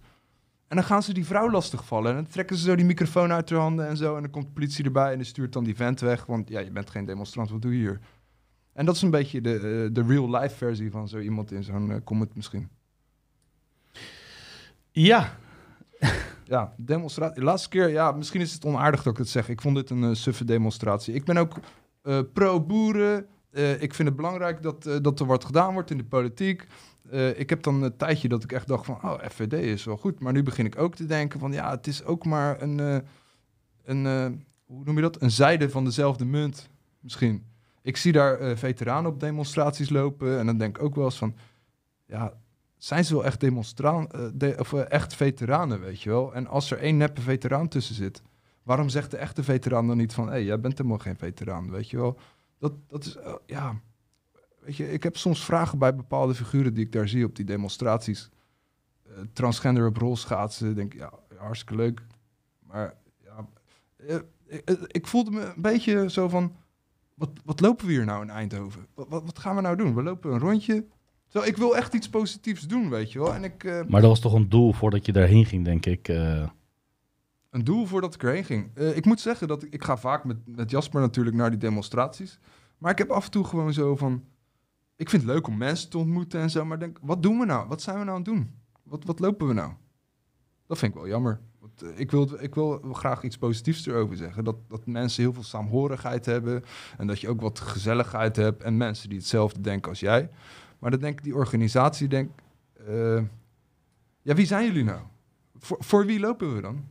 ja, Toch? Ik, ik, eh, ja, misschien moet ik me een keer in verdiepen gewoon. Wie, wie nou de demonstraties waar we nou telkens heen gaan? Misschien na de zomer even, dat we dat even eh, gewoon doen. Leuk. Eh, Ja. ja. En misschien en- die poppenkast, eh, de, de poppenkast camping, die nog wat camping. Misschien leuk om daar een keer volgende week op aan te sluiten of zo, met z'n allen, met z'n drieën. Als je tijd hebt, of ben je dan nog steeds weg? Want jij gaat op vakantie, toch? Ja. Ik, nou ja, ik ben gewoon even in Nederland. ja. Dus we kunnen daar wel later We, even kunnen wel over even, we gaan erover hebben. Misschien dat we Kijk, ik, ga niet, ik zeg eerlijk, ik ga niet in mijn eentje daarheen terwijl ik niemand daar ken, weet je wel. Nee, Dat is eh, sowieso niet. Wist jij, of terug naar Hollywood, even weer eh, terug naar het topic, dat eh Capitol gebouw, dat ronde Capitol Records gebouw in eh, Los Angeles, Capitol Building. Capitol Building, Ja? daar zit natuurlijk op elke grote eh, eh, gebouw zit er natuurlijk eh, een lampje voor vliegtuigen, vliegtuigen en alles. Maar in deze geval de knippert die eh, eh, lamp op een speciaal manier in Morsecode. Weet je wat die in Morsecode zegt? Nee. Hollywood. Oké, ja, nou ja. eh, om het- Ja. Maar de illusie eh, hoog te Want houden. Hollywood zat eigenlijk officieel in Wie Burbank. kent, er, wie kent er tegenwoordig Morse code? Veteranen. Ik ken, ja, veteranen en ik. Een klein beetje. Oké, dus dat is de, de, SOS, drie keer kort, drie keer lang. Nee. Ken, je Morse code? Nee? Oké. Ja, leuk. Ik vond het weer leuk, mensen. Ik, eh, oh, is het? eh? eh, ja, het is alweer. De, we hebben nog eh, een 20 minuutjes, ruim 20 minuten. Ik ga even reclame in beeld zetten. Dan ga ik Dino hier terugzetten samen met Simon. En dan eh, gaan we, gaan we het even gezellig afsluiten dit seizoen. Ja, ik wil ook Iedereen wel heeft lekker vakantie. even, Voor, hij wil, oh. oh, Simon die gaat even rustig aan, rustig aan, rustig aan. Niet te snel. Zeg, kijk even naar die, die jongens hebben je gemist. Die meiden jongens hebben jou gemist. NPC's Ja. hebben jou gemist. NPC's. nou ja, weet je, NPC's moet je in hun waarde laten. Die, laten, die lopen lekker een programmaatje. We hebben een hele aflevering erover. We hebben een hele aflevering over. Jouw eerste aflevering. Verwijs even. Was dat mijn eerste? Ja, Oh, oké. precies. Ja, ja. NPC's, laat ze lekker hun programmaatje doen. Verstoor ze niet, dan eh, krijg je errors. Gaan ze glitchen. Ik ga even op jouw plek zitten en dan gooi je de Ja, reclame sorry. erin. We see big corporations now and studies admitting that mushrooms and other things are actually helping people way better than synthetic drugs. You, it seems like, have, have if anybody's a test case for being more empowered and made better, uh, I would say it's Mike Tyson. I don't put words in your mouth, but Ja, ja, as ja, far ja, as ja, we zijn er weer. as far as Heel, eh, Wauw, interessant gesprek, man. Hey, wat jullie net hadden. Ik, eh, ik hoorde wel nieuwe dingen en zo. Ehm, de laatste kwartier, eh, wat stel je voor, Ersan? Eh kunnen mensen nog vragen stellen? of zo? Eh, iets? ja, op zich wel. Voor mij was het weer even lastig. Ik merk dat het altijd lastig is om de chat in de gaten te houden en iedereen toe te ik, spreken. Begrijp ik. Maar als jij zegt, zijn er nog vragen? Mensen, ik heb niet gekeken naar vragen. Dus als je nu een vraag hebt, zeg dan vraag, uitroepteken en wat je vraag is. En dan zal ik... En ik, maximaal vijf. Da- daarop aansluitend, wat ik net ook al zei. ehm, ik gaf je net even een voorbeeld eh, hoe ik getriggerd werd. Maakt niet uit hoe goed je met deze onderwerpen bezig bent of wat dan ook. Je gaat eh, toch in een soort van loop komen met hetgene waar je mee bezig bent. Misschien heb je dat herkend. Hoe diep je ook in het level zit, ehm, hoe goed je weet alles te begrijpen en alles. eh, op een gegeven moment komt een moment dat je denkt van oké, ik, ik zit hier aan vast. En ik denk dat het belangrijk is om dan even toch nog een vage zijroute te nemen. Dat dat wel, eh, zeg maar, ehm, het dynamisch effect daaraan geeft. Dat je niet statisch blijft zitten en twintig jaar lang zelf de boodschap verkondigt, zeg maar. Dat is mijn eh, ervaring in deze wereld. Na ondertussen 12, 13 jaar dat ik er actief mee bezig ben. Om gewoon dynamisch te blijven. Dus ook niet als je iets hebt geleerd of iets hebt gehoord van mij of eh, van wie dan ook. Dat je daaraan eh, vast blijft hangen zonder dat jouw eigen gevoel daarbij betrokken wordt. Snap je? Want eh, wat ik verwacht en wat ik zeker weet dat er gebeurt, is dat er op dit moment nu mensen bezig zijn om podcasten te maken die ons gaan overtreffen. En alle podcasten die er ook zijn, ook gaan overtreffen. En gelukkig maar. Ik sta te popelen om in het publiek te blijven, eh, te komen, te zijn en daarnaar te kijken. En ehm, dat scheelt me heel veel werk als dat zover is. En zover komt het zeker. Daar, eh, daar ben ik dan eh, van overtuigd. Ik vergelijk vaak deze dingen met hip-hop-industrie, hip-hop-wereld. Hoe die is ontstaan. Ook op deze manier. met een aantal mensen. Met 100, 200 man. Breidt zich uit tot een paar duizend man. En het wordt steeds groter en groter. Totdat het eh, de shit wordt. En dan is de vraag van wie neemt het over? Nemen de kaballeiders het over? Of die ene meneer Cactus, de Demolition? Of houden we de regie zelf in handen? Dat kunnen we alleen weten door eh, zelf eigen onderzoek te doen en ons niet af te laten leiden van externe factoren. Is dat Klaus Schwab, eh, religieleiders of wie dan ook? Mijn eh, ding is gewoon je eigen beslissingen maken, in je hart zijn en eh, tegelijkertijd ook in je hoofd. En daar een eh, correlatie uit trekken om een betere wereld te maken. Ja, Ersan. Betere wereld. Heal the world. Ja, je zag ook in die film. eh, ik kan je vertellen, in die film, Demolition Man, ik kom er toch weer even op terug. Eh, wat me vooral opviel, is dat die mensen uit de toekomst alles ehm, doen. Hun hele leven bestaat uit hetgene wat ze hebben gehoord. Wat hun toegediend wordt. Ze onderzoeken zelf niks. Ze gaan ervan uit dat het zo is. En ze hebben er vrede mee, weet je? En die film laat zien, dat vind ik ook mooi, dat zowel Wesley Snipes en eh, hoe heet die andere, S- Sylvester Stallone, omdat ze nog uit deze tijd komen, deze tijdsgeest, die zien het verschil. Die denken, klopt hier iets niet. En als je dit nou verder doortrekt, naar mensen van, ehm, als je iemand zou invriezen van 5000 jaar geleden, zou ik echt willen weten van, eh, hoe zou die nou reageren als die nou wakker wordt in deze wereld waar wij in zitten? Zou diegene niet eh, ons ook heel raar vinden, weet je wel? Heb je daar wel nagedacht? 5000 jaar geleden. Ik bedoel, ja, je bedoelt wat terugger. Terugger. Wat, wat terugger op de Leidse. Nee. Eh nee, weet ik niet, man. Weet, weet, Verder weg. Nee, maar Ja, is ze hadden toen al piramides gebouwd. Dus eh, ze, ze hebben wel enige kennis, zeg maar. Ik denk dat eh, die mensen van toen... ehm, in die film, laatste film Matrix 4... voor degenen die hem hebben gezien... is er op een gegeven moment aan het eind een stukje van... ehm, van een of andere... Inderdaad, zo'n figuur die ondergronds leeft... die nog steeds in het oude systeem zit. Tenminste, het oude systeem, systeem iets, iets meer organisch. Die zegt op een gegeven moment ook... eh, poëzie verdwijnt. Eh, echte gesprekken onderling, weet je. Eh, pakkende gesprekken, die verdwijnen. Alles is zo simpel geworden. Er komen geen nieuwe ideeën. Alles wordt gedirigeerd door externe factoren. En die shit gaat zich gewoon veel meer uitbreiden. Denk jij niet, Ersan, Ik begin te hikken, sorry. Eh geef niet, man. Ondertussen ga ik jou lekker een vraag stellen, denk ik. Want anders eh, komen we nooit op de vraag. Want we hebben nog een paar 13, 10, 20 minuten. Ja, is goed, man. Eh, We hebben het trouwens even tussendoor heel goed gedaan, man. Normaal komen we tijd tekort. Dus, ja, ja. een vraag aan Dino. Besef jij dat jouw wereld mag gaan creëren zoals jij dit wilt? En wat is jouw mening hierover zonder extreme bezigheden? Besef, nog een keer. Ja, ik vond hem ook lastig. Eh, besef jij dat jouw wereld mag gaan creëren? Besef jij dat jij jouw wereld mag gaan Ja. creëren zoals jij dit wilt? Wat is jouw mening hierover zonder extreme Oké, bezigheden? oké. Of ik dat besef dat ik mijn wereld creëer. Mhm. Ehm, aan de ene kant wel, aan de andere kant zijn er eh, echt op dit moment in de staat waar wij toe in zijn, nu op dit moment. En dan kom je weer op die ayahuasca-ervaring. In eh, de capaciteit waar we nu zitten met die 5% hersencapaciteitsvermogen, eh 80% uitgeschakelde DNA, eh, zijn we misschien ook niet echt in staat om direct wereld te veranderen, om het direct zichtbaar ook te laten zien. Maar die capaciteit dragen we wel in ons. Dus ik besef mij dat wel. Of het bestaat, weet ik ook uit mijn drie ayahuasca-ervaringen die ik heb gehad. Dat dat wel zou kunnen bestaan. Want die wereld ligt veel echter. En dat is een aflevering apart wat ik erover kan maken. Ik besef het wel, dat dat wel kan. En ehm, mijn inzicht die ik dus heb gehad, is dus... ehm, het kan pas als je bij jezelf begint en voor jezelf bewijst dat jij jouw wereld op orde hebt. Ja? Want eh, op dat moment, ehm, als jij jouw eh, leven op orde hebt, kan niemand tegen jou zeggen van eh, je bent een wappie, uitkeringleier of wat dan ook. Als jij alles op orde hebt en jij geluk uitstraalt naar iemand anders toe, dan zal die dat sowieso niet 1, 2, 3 zeggen. En als er toch nog zoveel geprogrammeerde robots zijn die daar nog op ingaan door een of andere reden, dan heb je ook een soort van referentie van, ja maar luister, eh, mijn wereld ziet er goed uit.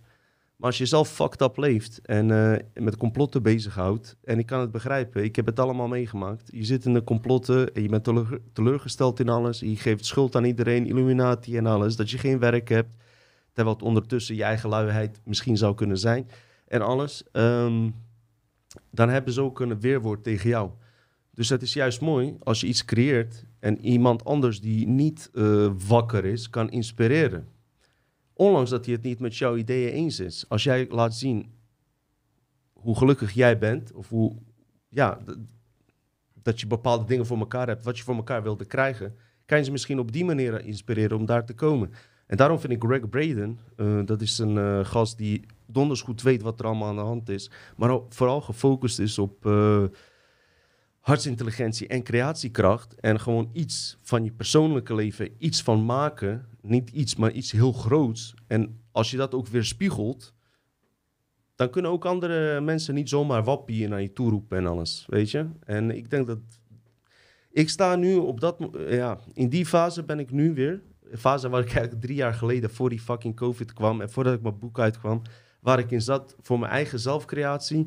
Maar ik eh, ben gewoon weer een paar stappen teruggegaan, heb ik gemerkt. Vind ik niet erg, want eh we hebben dit eh, tot elkaar kunnen brengen. Maar aan de andere kant had ik ook in die paar jaar tijd aan mezelf meer kunnen werken, zeg maar. Maar achteraf gezien eh, vind ik het eh, top. Ik ben blij dat we deze Dutch Matrix hebben gestart. Dat ik met jou en eh, Simon, dat we dit hebben gedaan. En ik zou dit niet, als ik het opnieuw mocht doen, had ik hetzelfde gedaan.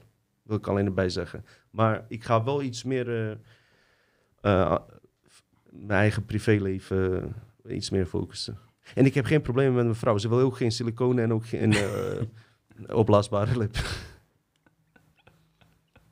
Maar wil jij dat? Ja. Nee. Ehm, we hebben, jongens, we hebben eh, een lichtelijk plagiaat. eh, Oké, ik ga iets heel eh, raars Ik wil tussendoor nog even je- één seconde. Heel kort plagiaat. De vrije kletselaar zegt: hey, dit is mijn naam. Oké, terecht. Sorry. Terecht. Ik heb in mijn fucking script staan, ben ik vergeten, vrij kletselaar. Ehm, eh, heb ik zelfs in mijn fucking script gezet, heb ik niet gezegd. We hebben een volger, die heet Vrij Kletselaar. Hij heeft deze shit bedacht. En Vrij Kletselaar, eh eh, ode aan jou. En wie weet, eh, kunnen we een keer een telefonisch gesprek voeren. En als je het leuk lijkt, kom je een keer langs. Want Die naam is zo geweldig. Hij moet meer in jou zitten. Ja, dat is echt geweldig. Ik vond Ja, het ook- eh, geweldig. misschien een idee dat eh Ersan een keer eens met een gesprek, een Doe even, eh, sollicitatiegesprek WhatsApp, met je heeft. even, op- ja, op, neem, neem condooms mee. Telegram. Ben je een vrouw of een man? Of een, of een, of een, of een, Neem sowieso een condooms mee. Maakt niet uit. gaan. Alles is ja, goed. Je kan weer doorgaan. Oké, eh, nou eigenlijk is dat een beetje wat ik dus wilde zeggen. Ik wilde even iets delen voor, voor mijn privé ding, om aan mensen kenbaar te maken. Omdat je heel snel, kijk, ehm, je begint aan één onderwerp, zelfs dit. Neem maar even alleen die Demolition Man. Stel je voor, jij wilt alles gaan nachecken of hetgene wat ik er net heb gezegd klopt, uit nieuwsgierigheid. Voor je het weet, beland je nog in honderd andere hele interessante complotten. En dat is goed. Vooral voor programmamakers, zoals dat wij dat doen. Eh, gewoon, ik, we kunnen het gewoon zo'n twee, drie keer per week afleveringen droppen daarin. Maar de vraag is, eh, hoe lang gaat dat door? Blijf je dan ook niet in een loop zitten? Dus af en toe terugschakelen naar je eigen leven en, eh, en eh, het leven leven. ja, eh, wat je aan je zoontje of dochter als voorbeeld zou kunnen geven, weet je wel, van, van hoe het zou moeten. Snap je? Gecombineerd met de realiteit laten zien wat er aan de hand is. Die twee combinaties.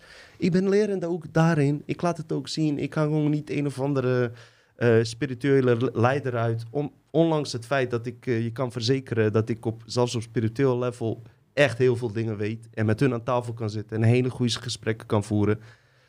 Ik durf wel te zeggen eh, dat ik niet eh, alles op orde heb. Ik ben Dino Saraj, minister van Buitenaardse Zaken. En waar uit Bosnië vandaan kom, kom je vandaan? Ik kom uit Livno. Dat is eh grens tussen Bosnië en Kroatië. En ehm, dat is een plek, Split. Mensen kennen Split wel. Uurtje rijden bij Split. Nou, Maar wie vraagt dat?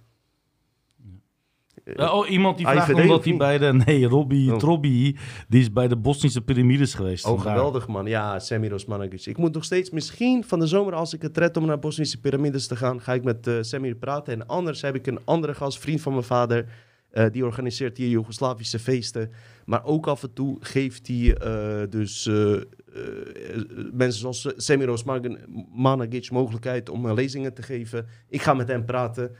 Mocht hij hier ooit komen, ik zou het liefst hier aan tafel met hem zitten. En niet via internet. Maar dat kan ik meteen aan toevoegen. Ik kreeg vandaag en gisteren die ingeving, niet gepland. Misschien moeten we wel die eh, Skype-gesprekken doen. Waarom?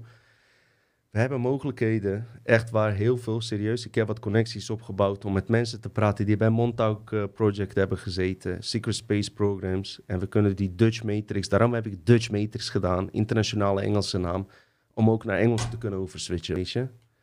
En toevallig komt dat, zonder dat ik het heb gepland, goed uit. Want mijn boek wordt vertaald. En als die straks in Engels is en ik doe met Engelse connecties, is dat ook goed voor het boek. En dat heb ik niet eens gepland. En dat is dat organische handelen zonder te veel met je fucking hoofd bezig zijn. Gewoon op gevoel afgaan en ineens zie je dat er eh, connecties aan elkaar bestaan. Dus deze twee dingen heb ik niet gepland. Ineens komt het in me op, ja tuurlijk, vertaling van het boek komt. Als ik nou Engelse mensen, Amerikanen ga interviewen en ik, en ik knal die reclame van mijn boek doorheen, wordt mijn boek wat meer bekend door de wereld heen. Niet gepland, het gebeurt gewoon. Daarom zeg ik niet in oorzaak en gevolg denken, gewoon je gevoel volgen. Oké? Maar ik blijf erbij zeggen, als je vrouw zeg maar grotere borsten wil en een grotere lippen, kijk daar wel mee uit. En bel ook mij op daarna. Zo en zo. Als je meer complotkinderen wil. Half Turks, half mens. Ja, leuke afsluiters, Dino, kom maar op. Oké, we hebben nog vijf minuten. Eh, is het misschien een idee dat we gewoon afscheiden? Is er nog een vraag? Laatste vraag van het seizoen. Eh, We komen dat duurt eind- even 20 seconden, dus ik ga 20 seconden Oké. heel langzaam. Mag Kijk, ik wie doe ik na, jongens? zeggen? Star Trek. Hoe heet hij? Eh, hij heeft een computernaam. Shit. Jordi! Jordi. Ah, Oké, nee. Ja, nou, de 20 seconden is gaan, dus ik heb nu een vraag. Kijk, da- daar helpt, dat helpt dus gewoon. Eh, het is een serieuze vraag. Wil je gaan? Wer ah, er wil iemand glazen wassen worden. Flikker op met je vraag, man. Hé, hey, luister dan. Hey, als je glazenwasser wil worden, dat is een uitstervend beroep. Luister, vriend. Glazenwassers zijn hele enge mensen. Oh, er is nog een vraag. Wacht, Ze wacht, zitten in de maffia, weet je al. Je moet niet met ze fucken, weet je. Ja. Vraag, hoe denk jij Sorry, Simon. dat wij Simon onze New Age kinderen het beste kunnen uitleggen hoe hun kracht van binnen werken en welke leeftijd? Oeh, Oeh, ik nu moet denken aan dat ene vrouw die Pokoloko. Nee, laat maar, sorry. Wie is dat? Die eh, d- eh, voor kinderen had gedaan. Bla bla bla voor kinderen. Illuminatie voor kinderen of zo. Ossehaas, ja. Ossa's. ja, ossenworst. Dan moet je even eh, video's van eh, Jeannette Ossa's kijken. Nee, ik zou dat echt De deel- doen. deel Echt één tot niet met doen. vijf? Nee, nee, nee. En als ze dan nog geen zelfmoord hebben gepleegd, dan eh, kunnen ze met ons contact opnemen. Hebben jullie Telegram of WhatsApp? Gast! Kijk in de Oh ja. fucking... Ja, Kijk- vertel maar. Kijk in de fucking beschrijving van Ik YouTube, vraag mij jongens. af, waarom hebben we minder Daar staat kijkers het op. op. YouTube? Kom ik erachter, dat is wel interessant. Want zo zie je hoe Matrix ook werkt, hè. Eh wij hadden gemiddeld, jaar geleden, 20.000 kijkers zonder probleem. Binnen een week, 10 dagen ineens 15.000, 12.000, zakt af. Maar de doorsnee complotdenker denkt, hey, je wordt door YouTube gecensureerd. Zou ook kunnen. Klopt ook, want we worden ook niet meer aangeraden. Ik weet dat. Dus normaal gesproken, wij hebben 99 eh, 0,5% likes. Dat is bizar veel soms. Dat is extreem veel.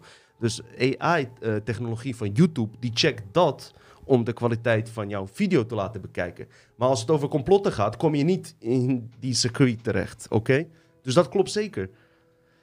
Maar wat blijkt nou? We zijn op meer dingen te vinden. Laat die ene zien van Telegram, die zag er mooi uit. Dus we zijn op meer Oh, video's man, te zien. Man, man, man. Ja, ja, ja. Ik zeg je eerlijk, ze zeggen zo vet uit. En eh, trouwens, mensen vragen aan mij, mag ik dat doen? Zend al die shit uit.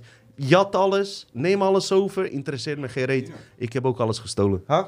Telegram gaat al zijn informatie aan Duitsland overdragen. Oh, Alle gegevens. oh. Oh, en dan? En nu? Simon zegt dat ze alles naar Duitsland Ik gaan ga hem geven. nu erop zetten, jongens. Ik ga hem erop zetten. Ja, ja ik, Dus dan, ik zal je eh, zeggen, het ziet er zo mooi uit. Ehm, kijk, op YouTube is het wel leuk dat je meer kijkers hebt en zo. Dat je kan laten zien dat je zogenaamd populair bent.